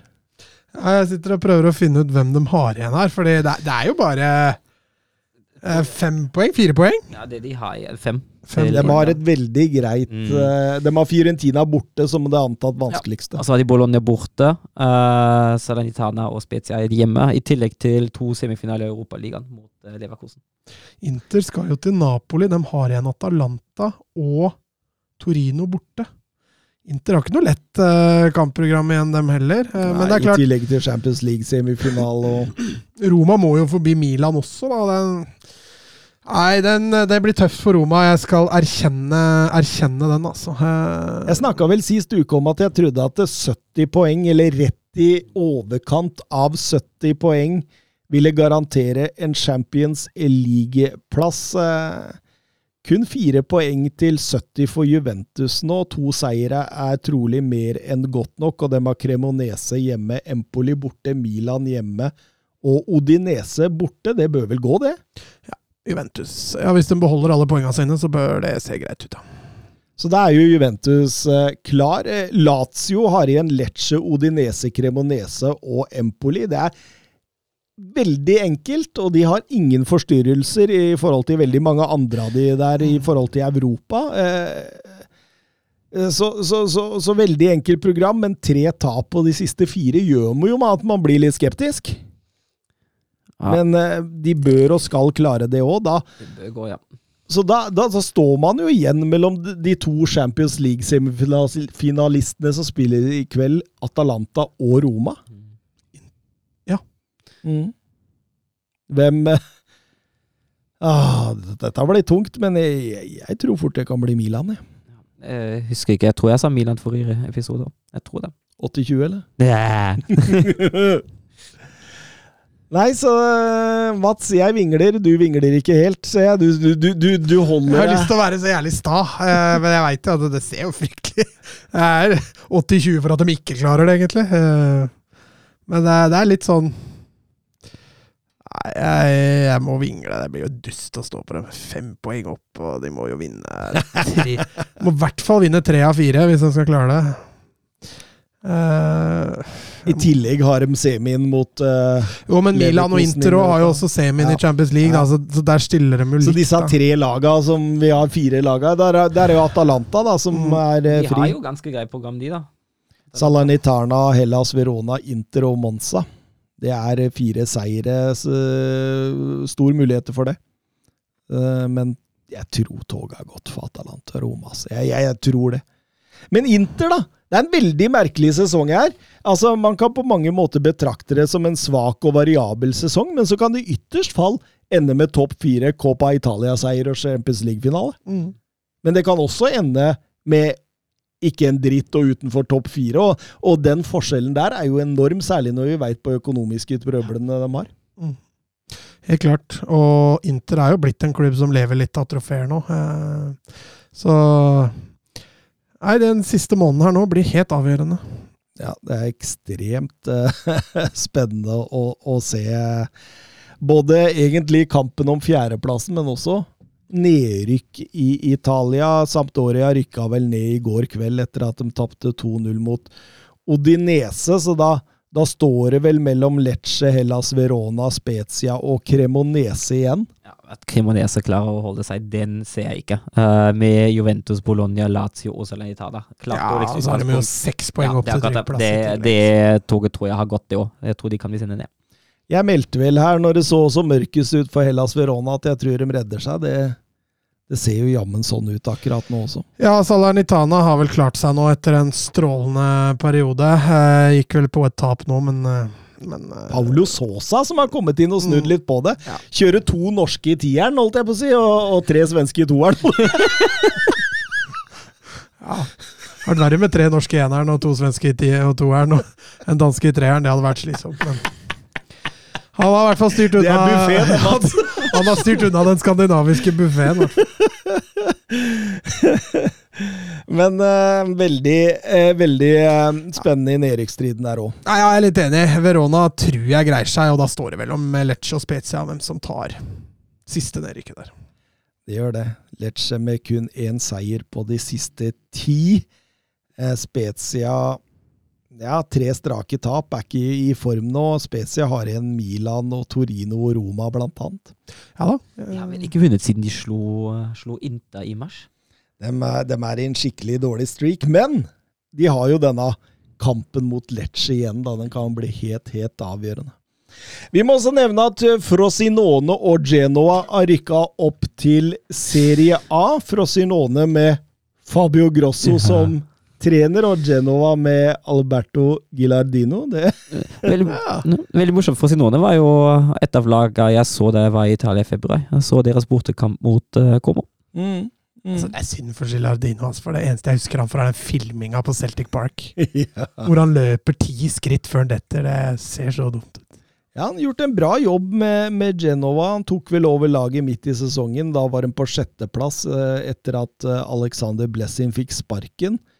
Fått eh, skikkelig sving på det. Jeg tror han bare har ett tap, ja, og det er mot Parma. Ellers så, så har de gått videre der, så det, det er strålende. Ehm, litt league Ø før vi avslutter, gutta. sur la frappe de Messi de, De de Mercado, Mercado, oui. Mercado, et, et là aussi on a un petit peu de réussite. Griezmann sur l'appui, c'était bien joué avec Giroud. Oh, Sylvain Oh, il l'a vu Oui. Kylian Mbappé Kylian Mbappé, il l'a vu Ça fait 4 Et ça fait peut-être un quart de finale de France 68e minute Oh, la joie collective parce qu'ils ont tous jailli du banc pour aller saluer cette passe décisive géniale de Giroud et ce doublé pour Kylian Ja, eh, i Ligue A så skrangler eh, PSG seg videre, men, men, men dette var en god kamp. Dette var en av de bedre kampene de har hatt. De ligger ender på en XG på 4,4, som er det høyeste i, i Ligue Ø denne sesongen. Og, og eh, Ja, men, men, men, men om det var Troa som var det er litt sånn det jeg tenker, da. Fikk, fikk dem eh, enkle spilleforhold her. eh, Det, det, kan jo tyde på det. At de gjorde det litt som de ville. Troa tror jeg er så et lag man veldig sterkt kan sende ned til league 2. Så Det kan det, så, så det, og, og PSG tar dette. altså dette er, dette er jo ikke det mest spennende i, i Ligue Ø nå, men, men Finn Jørgen Halvorsen han har plukka opp et rykte om at Mourinho kan være aktuell for PSG. Kunne det vært noe match, Mats? Ja, altså, de vinner jo seriegull med han òg, det er jeg ganske sikker på. Eh, det som gjør med Mourinho, da, du får jo inn en større kynisme, da, som kan være hjelpende i forhold til Champions League, men med Neymar ut, med Messi ut altså Du sitter jo ikke igjen med en Champions League-vinnende tropp da, på en måte, så Match i form av at ja, de vinner fortsatt seriegull, eh, men jeg tror ikke de kommer så veldig mye nærmere Champions League-gull. Jeg er helt enig. Jeg føler egentlig at hvis man velger noe Mourinho, så går man litt inn i den samme fellen som man har gjort gang på gang på gang på gang. men Du på er innabil med Mourinho, da. Nei, men jeg hadde, jeg hadde sagt jeg hadde sagt det samme om, uh, om en trener som Zidane. Nei, jeg hater ingen. Uh, Jeg venta på at han skulle komme! Det tok litt tid der. Uh, jeg hadde sagt det samme som om en trener som Zidane eller Conte for den saks skyld. Eh, at jeg tenker at de må jo, hvis de ønsker å gå en ny vei, så må de finne seg en trener som ønsker å få muligheten til å utvikle og bygge noe. Ja, men nå har de jo prøvd med Tuchel. Han er jo ikke noe utvikler, kanskje, Nei. men han spiller i hvert fall offensiv fotball. Han spiller offensiv fotball, men det, det, jeg føler ikke at det er nødvendigvis fotballen det går på. Jeg føler at her går det på å virkelig bygge et lag, eh, og gjøre et godt lag ut av er ikke Galtier litt sånn som kan bygge? Jo, han er jo Han og Campos til sammen er jo selve profesjonen på lagbyggere i ligaen. Men da må, da må de gi en tid, da. Det er litt det, da. Eh, og Så hjelper det at han liksom ikke er rasist. Ja, det, det hjelper, det, og det er helt riktig. Um, Tror det er greit, Mats. men Ja, Mourinho tror jeg faktisk ikke er rasist. Nei, det tror jeg ikke.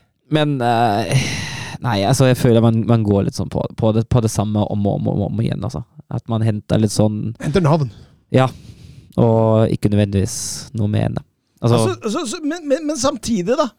Altså, League Ø er for svak, altså. Til at eh, PSG får den matchinga de kan gjøre for å kunne ta stega til å bli en klar Champions League-kandidat. Altså, eh, man vil maks, maks bli en outsider så lenge man spiller i, i League. For League vil uansett være den hvileputa som altså Det går greit uansett. I ni av ti ganger så vil de vinne det ligagullet omtrent uansett hva de gjør, altså. Og det, det Altså, når, når- Real Madrid spiller tellende kamp eh, mot god motstander uke inn uke ut, det samme gjør Manchester City og sånn eh, det, det er vel kanskje dette som gjør da, at League jeg tenker at nå må vi eh, shorte ned på, på laget her. Det blir jo bare 18 fra neste sesong. Jeg føler heller altså jeg, jeg, jeg liker ikke den der shorte ned. Jeg tenker heller at man bør, man bør sørge for at flere lag tar nivå. Eh, og vi ser jo altså De beste ligaene uh, spiller jo med 20. Mm. Uh, jeg tenker at det er veien å gå. Jeg mener jo egentlig også at Bundesliga bør spille med 20 istedenfor 18. Eh, jeg tenker at det er riktig vei å gå. Der man sørger for at man har bedre matching, man sørger for at man har tettere kampprogram, man holder spillene mer på. Men Bundesliga har hatt 20 før. I noen veldig få sesonger etter sammenslåing med, med, mot Øst-Europa. Start, ja. Bundesliga starta med 16. Eh, Øst-Europa, med Øst-Tyskland. Eh, Øst-Europa. Ja. Uh, og Ja. Bucuresti og sånt inn i Bundesliga, det var tider, det. For da, da, da fikk jo noen østtyske lag plass i Bundesliga, så da ble det en, en litt større sesong. Men uh, tyskerne vil jo veldig gjerne ha 18. Jeg mener at Bundesliga bør ha 20, nettopp for å få flere lag opp på det høye nivået der. Uh, Men jeg føler liksom ikke at problemet nødvendigvis i Frankrike har jo Du kan utvide til 24 lag i Frankrike. altså De, de nederste har så dårlig råd, da. mm. Så det vil da si at PSG kan konkurrere med topplaga i Europa på penger, men de nest beste i Frankrike kan jo knapt nok konkurrere med de dårligste laga i Tyskland, for ikke å snakke om Premier League. altså De er milevis bak. Jeg vi husker jo for noen det er noen måneder siden, da snakka vi om dette her, og da fant vi ut at de som ligger lengst ned i league Æ, ligger på samme budsjett som de øverste i Eliteserien. Mm. Ikke sant? Ja. Og det, det er jo et kjempeproblem. Å utvide da, det er jeg litt enig med, med Thomas. altså Det blir jo som Jeg har også tenkt litt, det hadde vært gøy å utvide Eliteserien, men å da sitte med Jerv og, og de laga der hvert år, da Det er ikke bra for utviklinga, for det er lag som på en måte møter taket sitt litt. da. I Norge så må du ut i Europa for å kunne ta det neste steget. Jo, for all del, men jeg tenker jo at altså, VO, VO spiller på øverste nivå. Nå er jo dette en helt annen diskusjon i Norge, for all del. Uh, og jeg sier jo ikke at lig uh, bør utvides, men jeg er skeptisk til at en krymping uh, gjør at det blir bedre. Uh, Kvaliteten blir jo bedre. Det sier seg sjøl. ja, ja, men samtidig altså, så Du får jo men, flere kamper jo. av betydning, da. Ja, jo, men samtidig kommer de samme lagene opp og ned likevel, da. Uh, og så er det ikke bedre at, de, at det holder seg flere lag oppe, og så man kan få sakte, men sikkert opp på det nivået der de skal være. Ja, men nå, Problemet med Frankrike er at du har for mange lag som alltid er nummer 16. Akkurat overlever, da. Ja, ja. Du har liksom, du har sju-åtte lag da, som kjemper om de plassene. Da. Ja, men det, da, det vil vi korte ned til tre-fire, og så kommer det opp tre nye lag som, eh, som er på akkurat samme nivå. men, vi Det, ser, men tenker f.eks. på Anger på 20.-plass her, da, som har 14 poeng. jeg, jeg, har, jeg har sett litt på det da en diskusjon kom opp med Eliteserien. Da kom stemmer som ønsket å korte ned Eliteserien. Etter at Danmark eh, korta ned på, på Superligaen sin. Eh, det har ikke vært noe mer suksess ute i Europa i det hele tatt. Det har ikke hjulpet dem noe som helst. Jo, men de, de har jo litt suksess i Europa nå. Ja, har de Altså, det er det? er ikke så lenge siden Kjøben var i kvartfinale i et eller annet Conference Conference Ja, League eller et eller annet. Det var, det var, det var et tilfelle, ja. Mm. Men uh, Og Midt Midtjylland har jo vært i De har jo hatt to lag i Champions League siste par åra, vel. Midtjylland og, og Kjøben. Ja, men eh, hvis du sammenligner det med jeg tror, jeg, tror, jeg husker ikke når det var. Det var for, det var for et par år siden, og da sammenlignet jeg de siste, de siste åra før uh, nedkortinga med de siste åra etter. Og da fant jeg ut at det er basically even Steven. Det har ingenting å si. Altså, se da, altså, I Danmark nå så kjøper de jo spillere for 60-70 millioner. Det gjør vi jo nå i går. Målet har kjøpt, uh, har kjøpt Berisha for 45. Ja, det er fortsatt 20 millioner bak det jeg akkurat sa. Matte-Mats, du klarer ikke å lure den lenger. Han har blitt smart nå. Ja, men hvis, Jo, jo, men hvis, hvis, poenget, altså, poenget er altså at Nå solgte riktignok Eliteserien også da, to spillere for over 100, men det har de gjort i Danmark i flere år, år allerede. Så økonomien er jo sterkere hos de laga som Ja, er i Superligaen. Ja, men Danmark har jo hatt forsprang hele veien til Norge. De har jo det. De har ikke, de har ikke Ja, vi, har ikke, vi har ikke tatt dem igjen heller, selv om vi har utvida serien. Nei, men det, det, altså, det er ikke det jeg snakker om heller. Jeg sier at det er en prosess. Eh, Det går ikke fra en dag til en annen. Men vi, er- hvor lenge siden er det Danmark har korta ned, da? Det fem år? vet. Seks år? så vi får Noe sånt. Men det har, det har ikke hjulpet dem noe som helst. Og jeg tenker at det er ikke et mål i seg selv å gjøre den, den, det øverste nivået mer eksklusiv for at eh, PSG skal møte Marseille tre ganger istedenfor to. Eh, det, det hjelper da ingenting på utviklinga til enkeltspillere eller klubber i det hele tatt. Du skaper heller en mer eksklusiv sirkel, da du holder flere lag unna, istedenfor at du får flere lag til å ta nivå. Ja, men du får flere viktigere Det er jo det vi snakker om i forhold til Ligue at du får flere viktige kamper. Ja, men Nå da- er det jo altfor mange uviktige. Du Ja, men hvis, hvis, hvis, korter ned, mange lag på 16. Ja, hvis, hvis vi korter ned da, like- hvis vi får bare viktige kamper, da må vi korte ned til 10. Det hjelper ikke å korte ned til 18. Jo, Nei, ja, jo, jo, for så vidt. For så vidt men Eh, når du korter ned til 18, så får du kortere tid på å overleve, eventuelt vinne. Og du får eh, møter to lag som To mindre lag da, som er søppel, eller bøss, eller kall det hva du vil. Ja, men samtidig vil du jo heller ikke få flere lag opp på riktig nivå, da. Fordi du Altså, problemet er at du bare skyver på nivå. Du, du bare skyver på problemet, da. Fordi du Ja, det blir jo kortere vei til toppen når du har to lag færre. Jo, det, det blir jo for all del, men altså det, altså det vinner jo fortsatt bare PSG. Det har jo ingenting å si. Ja, men det, det er fordi forspranget, forspranget PSG har nå, er jo så stort. Ja. Så det blir jo, det blir jo som Altså, det fins jo nesten ikke eksempler i Europa på det forspranget de har. Til og med i Tyskland er det jo kortere, kortere vei. Eh, men avstanden fra tiendeplassen og opp til Champions League nå kommer jo til å bli litt kortere. Den sier jeg ikke helt, nei. Jo, fordi nå møter Altså, du poengmessig, ja, Nå ja, møter fordi- du ja, jo, lagene jo. som er i nærheten av deg oftere, da. Så kampene for PSG, da, så blir jo Hver kamp nå i ligaen blir jo litt tøffere. Fordi du er kvitt de to dårligste laga. Ja, men nei, den, den Kanskje de skulle eh, slått det ned til ti lag og så spilt tre serierunder? Og tredd sånn som vi gjør i Skottland? Men hva er det gjør, hvor mange er det i Superligaen? Tolv? ja, Ti eller tolv, jeg husker ikke. Og toppserien er det ti. Toppserien er det ti, og da spiller man de tre serierundene. Ja. For der også har de kutta ned veldig. Ja. Mm. Mm. Jeg kutta vel ned fra tolv til ti, jeg. Men uh, kommer ikke til Og det, Men altså, misforstå meg rett. Jeg er, i, Oppi mitt hode så vil jeg heller ha flere lag i en serie. For å både ha mang, mangfold, eh, men, og inkludere flere. Det er jeg helt enig i. Men jeg også kan se at spissing av en serie kan ha sine fordeler. jeg, jeg, tenker, altså, jeg tenker du er inne på noe når du snakker om det økonomiske. Jeg tenker at hele det er der man bør begynne. Eh, Det hjelper ikke å ha å korte ned, eller for den saks skyld altså utvide når ikke det økonomiske er på plass. Eh, Det økonomiske har veldig mye å si i fotballen. Det er jo sånn nasjoner da, som Norge og Frankrike, eller kanskje ikke Frankrike så mye, da, men, men til dels. Altså Champions League for Lance. da. Mm. Det er 250 millioner, det. Mm. Rett på bunnlinja. Og det kan det fort eh, komme til å bli, for de slår Marseille 2-1 i eh, helgen. League Øs beste hjemmelag mot League Øs beste bortelag. Eh, Snakkisen ble ved duellen eh, Sanchez mot eh, Danso, hvor Sanchez vinner ball og scorer. VAR går inn og Billig! Ja, hvorfor går VAR inn Ja, der? Det er akkurat det. Jeg tenker at det er ikke noe varmmat i det hele tatt. Men, men likevel, Lans eh, får 1-0 rett før pause av kampens store spiller Sjeko Fofana.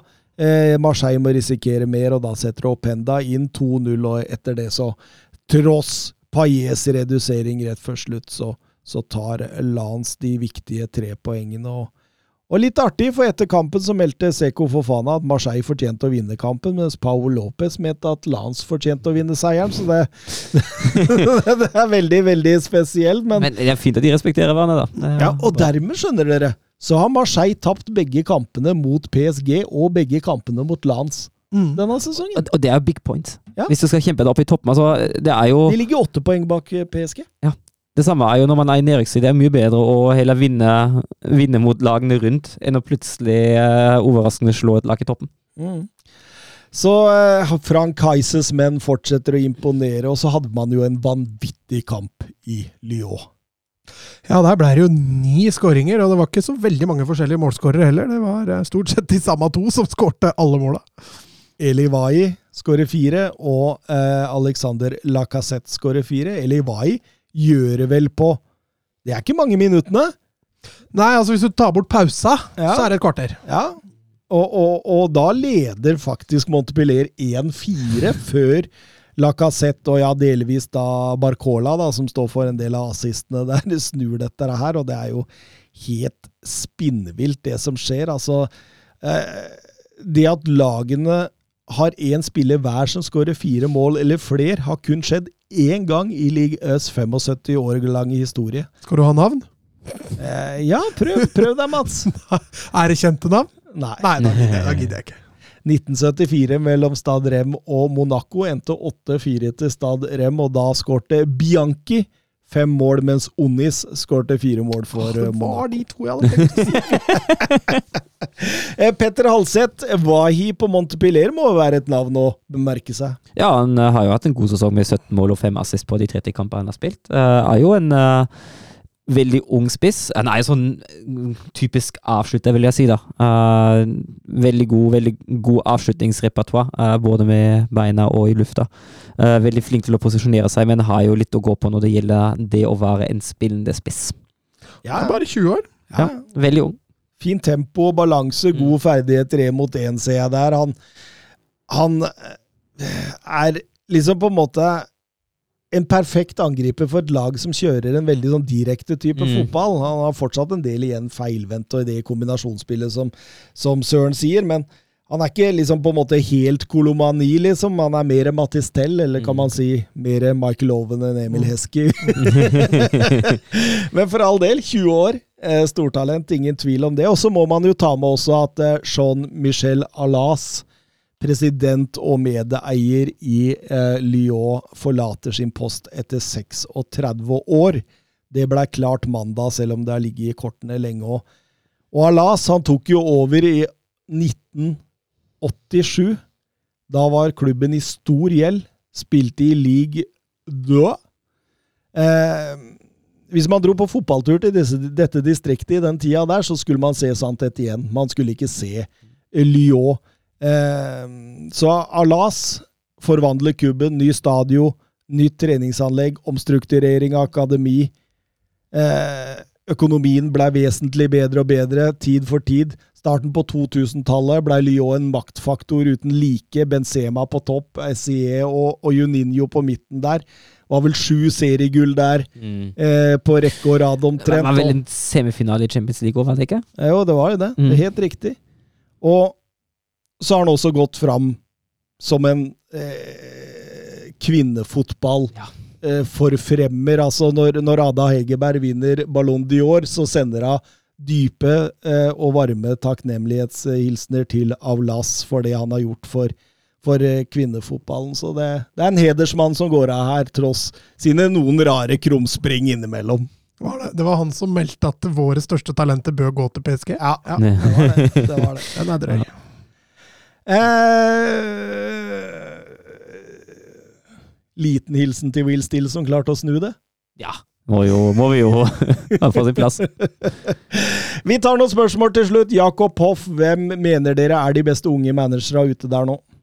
Altså, er jo lett å si navnet Nagelsmann. Uh, det definer- så det, definer, det, det å definere ung, det er jo litt mer Ja, 35 år er ganske ungt. Ja. Jeg, jeg vil si 40 og under. Ja, jeg tenker også, altså Du kan godt si litt over 40. Altså, en trenerkarriere var jo for noen heter det Ja, meg 70, liksom. Så Helt klart. Hvor gammel er Roy Hodgson? Han, han slo, når han sto på motsatt banehalvdel av Ryan Mason, så var det den høyeste aldersdifferansen i Premier League-historien, i hvert fall. Ja, akkurat han Begynner ikke han nærme seg 80, hvis ikke han har bikka 80? Ja Skal vi se Hva var det han var, da? Det, det er jeg litt usikker på. Jeg tror, jeg tror det var, var det ikke 78 da han gikk av sist? Mener noe sånt. det er litt spennende. Skal vi se. Det var i hvert fall 43 år og 308 dager mellom Roy Hodgson og Ryan Mason. Ja, det var ikke sant. Så det, det, det er ganske interessant. Men hvor gammel han er, da? Det, da må Matte-Mats på banen, vet du.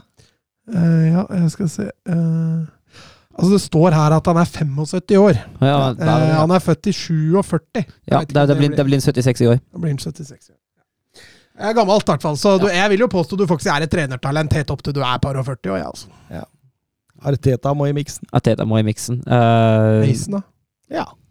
Som et sånn stort tall. Han er 31 år gammel. Han leda vel sin første Premier League-kamp da han var 29. Han der eh, i eh, Han som var i Kiel. Holstein Kiel. Ole, Ole Werner. Ja. Ja, han er, Hvor gammel er han? Jeg tror han er, han er ikke gamlemann, han heller. Skal vi se, han eh, Skal vi se, jeg skal bare se søke. Ruben Amorim. Jeg bare kaster ut noe. Hvor Eh, gammel er han, da? Eh, 38. Ja, da er du talent. F35, ja. Ja, Han må jo med. Han trener jo ved der Bremen nå. Så han, og han, Han eh, RB Salzburg-treneren. Ja, Geisle, Geisler, Geisler Geisler. definitivt. Eh, Så må man jo nevne han eh, godeste Hürtzelau i St. Pauli. Eh, Er jo mer talent da, tenker jeg, men han er jo 30 år. Will Still. Ja, Wilsi, selvfølgelig. Company. Andoni Iraola. Den jobben han har gjort i Rayo, har jo vært strålende. Går det an å nevne Xabi Alonso i den miksen her òg, eller? Ja. Eller blir han for gammel? Nei, han er vel bare et par og 40, er han ikke det? Deilig! Deilig! Der har vi mye gode navn. Eh, Gustav Horndal, kan dere snakke litt om Angé Postekologlu, som er i ferd med å skaffe seg et navn i fotball-Europa nå? Ja, og det er jo da manageren til Celtic. Uh, vant seriegull nå. Uh, ganske overbevisende. Og det er jo veldig spennende det han har gjort. Uh, han har jo faktisk vunnet A-league med Brisbane. Han har tatt Australia til VM-gruppespill og et AFC-gull, altså Asia-mesterskapsgull. Og han har vunnet J-league med Yokohama Rhinos, og dette er jo en trener som, eller manager som har hatt mye suksess. eh, kanskje på et nivå unna Europa. eh, Ja, men er likevel hvor enn han Ja. Um, og så er det jo Han spiller jo en ekstremt dominerende fotball, egentlig. Uh, det er jo litt sånn, altså det er, vi, vi ser jo litt sånn de samme trekkene som vi ser, uh, ser hos uh, trenere som Guardiola og Ateta med inverted fullbacks. For mange spillere mellom linja. Uh, kombinasjonsspill. Spille seg bakfra. Dominere de sentrale områdene. Det er litt sånn de viktige tingene for ham. Kombinert med veldig, veldig høy og aggressiv gegenpressing. Mm.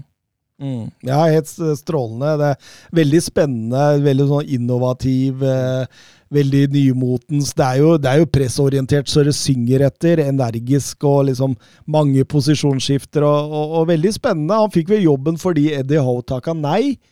Eh, blei, altså ansettelsen blei fullstendig latterliggjort. Eh, blant annet eh, Talksport sin Alan Brazil var jo ute og, og slakta det, men han har senere gått ut og sagt eh, beklager, det, det, det var feil av meg, og har vunnet the double begge sesongene i Celtic nå, og har blitt nevnt i, i forbindelse med både Chelsea og Tottenham-jobben, så det, det, det Er, er, er vel 57 år? ja. ja, han er, han er, han er en voksen mann, så, så Og det hadde vært morsomt å se hva han kunne få til i en større liga, for det er jo som du sier, han er, det, det er jo litt Pep Guardiola Mhm. over dette her, så det veldig artig. Til slutt, Jørn Henland. Det skal løpe 60 meter mellom Harry Maguire, Wout Weghorst, eh, Louis Dunk, Team Ream, Tiago Thiago Silva og Zlatan Ibrahimovic. Hvem ville dere satt en hundrelapp på kommer sist? Wout Weghorst 100 Ta, der datt jeg ut. Hvilket navn var det du sa nå? Maguire, Weghorst, Team Ream, Louis Dunk, Thiago Silva og Zlatan. Jeg er litt enig med Dupkern, men bare nevne det. Hadde det vært én bukk på den banen, så hadde det vært Harry Maguire. Helt riktig.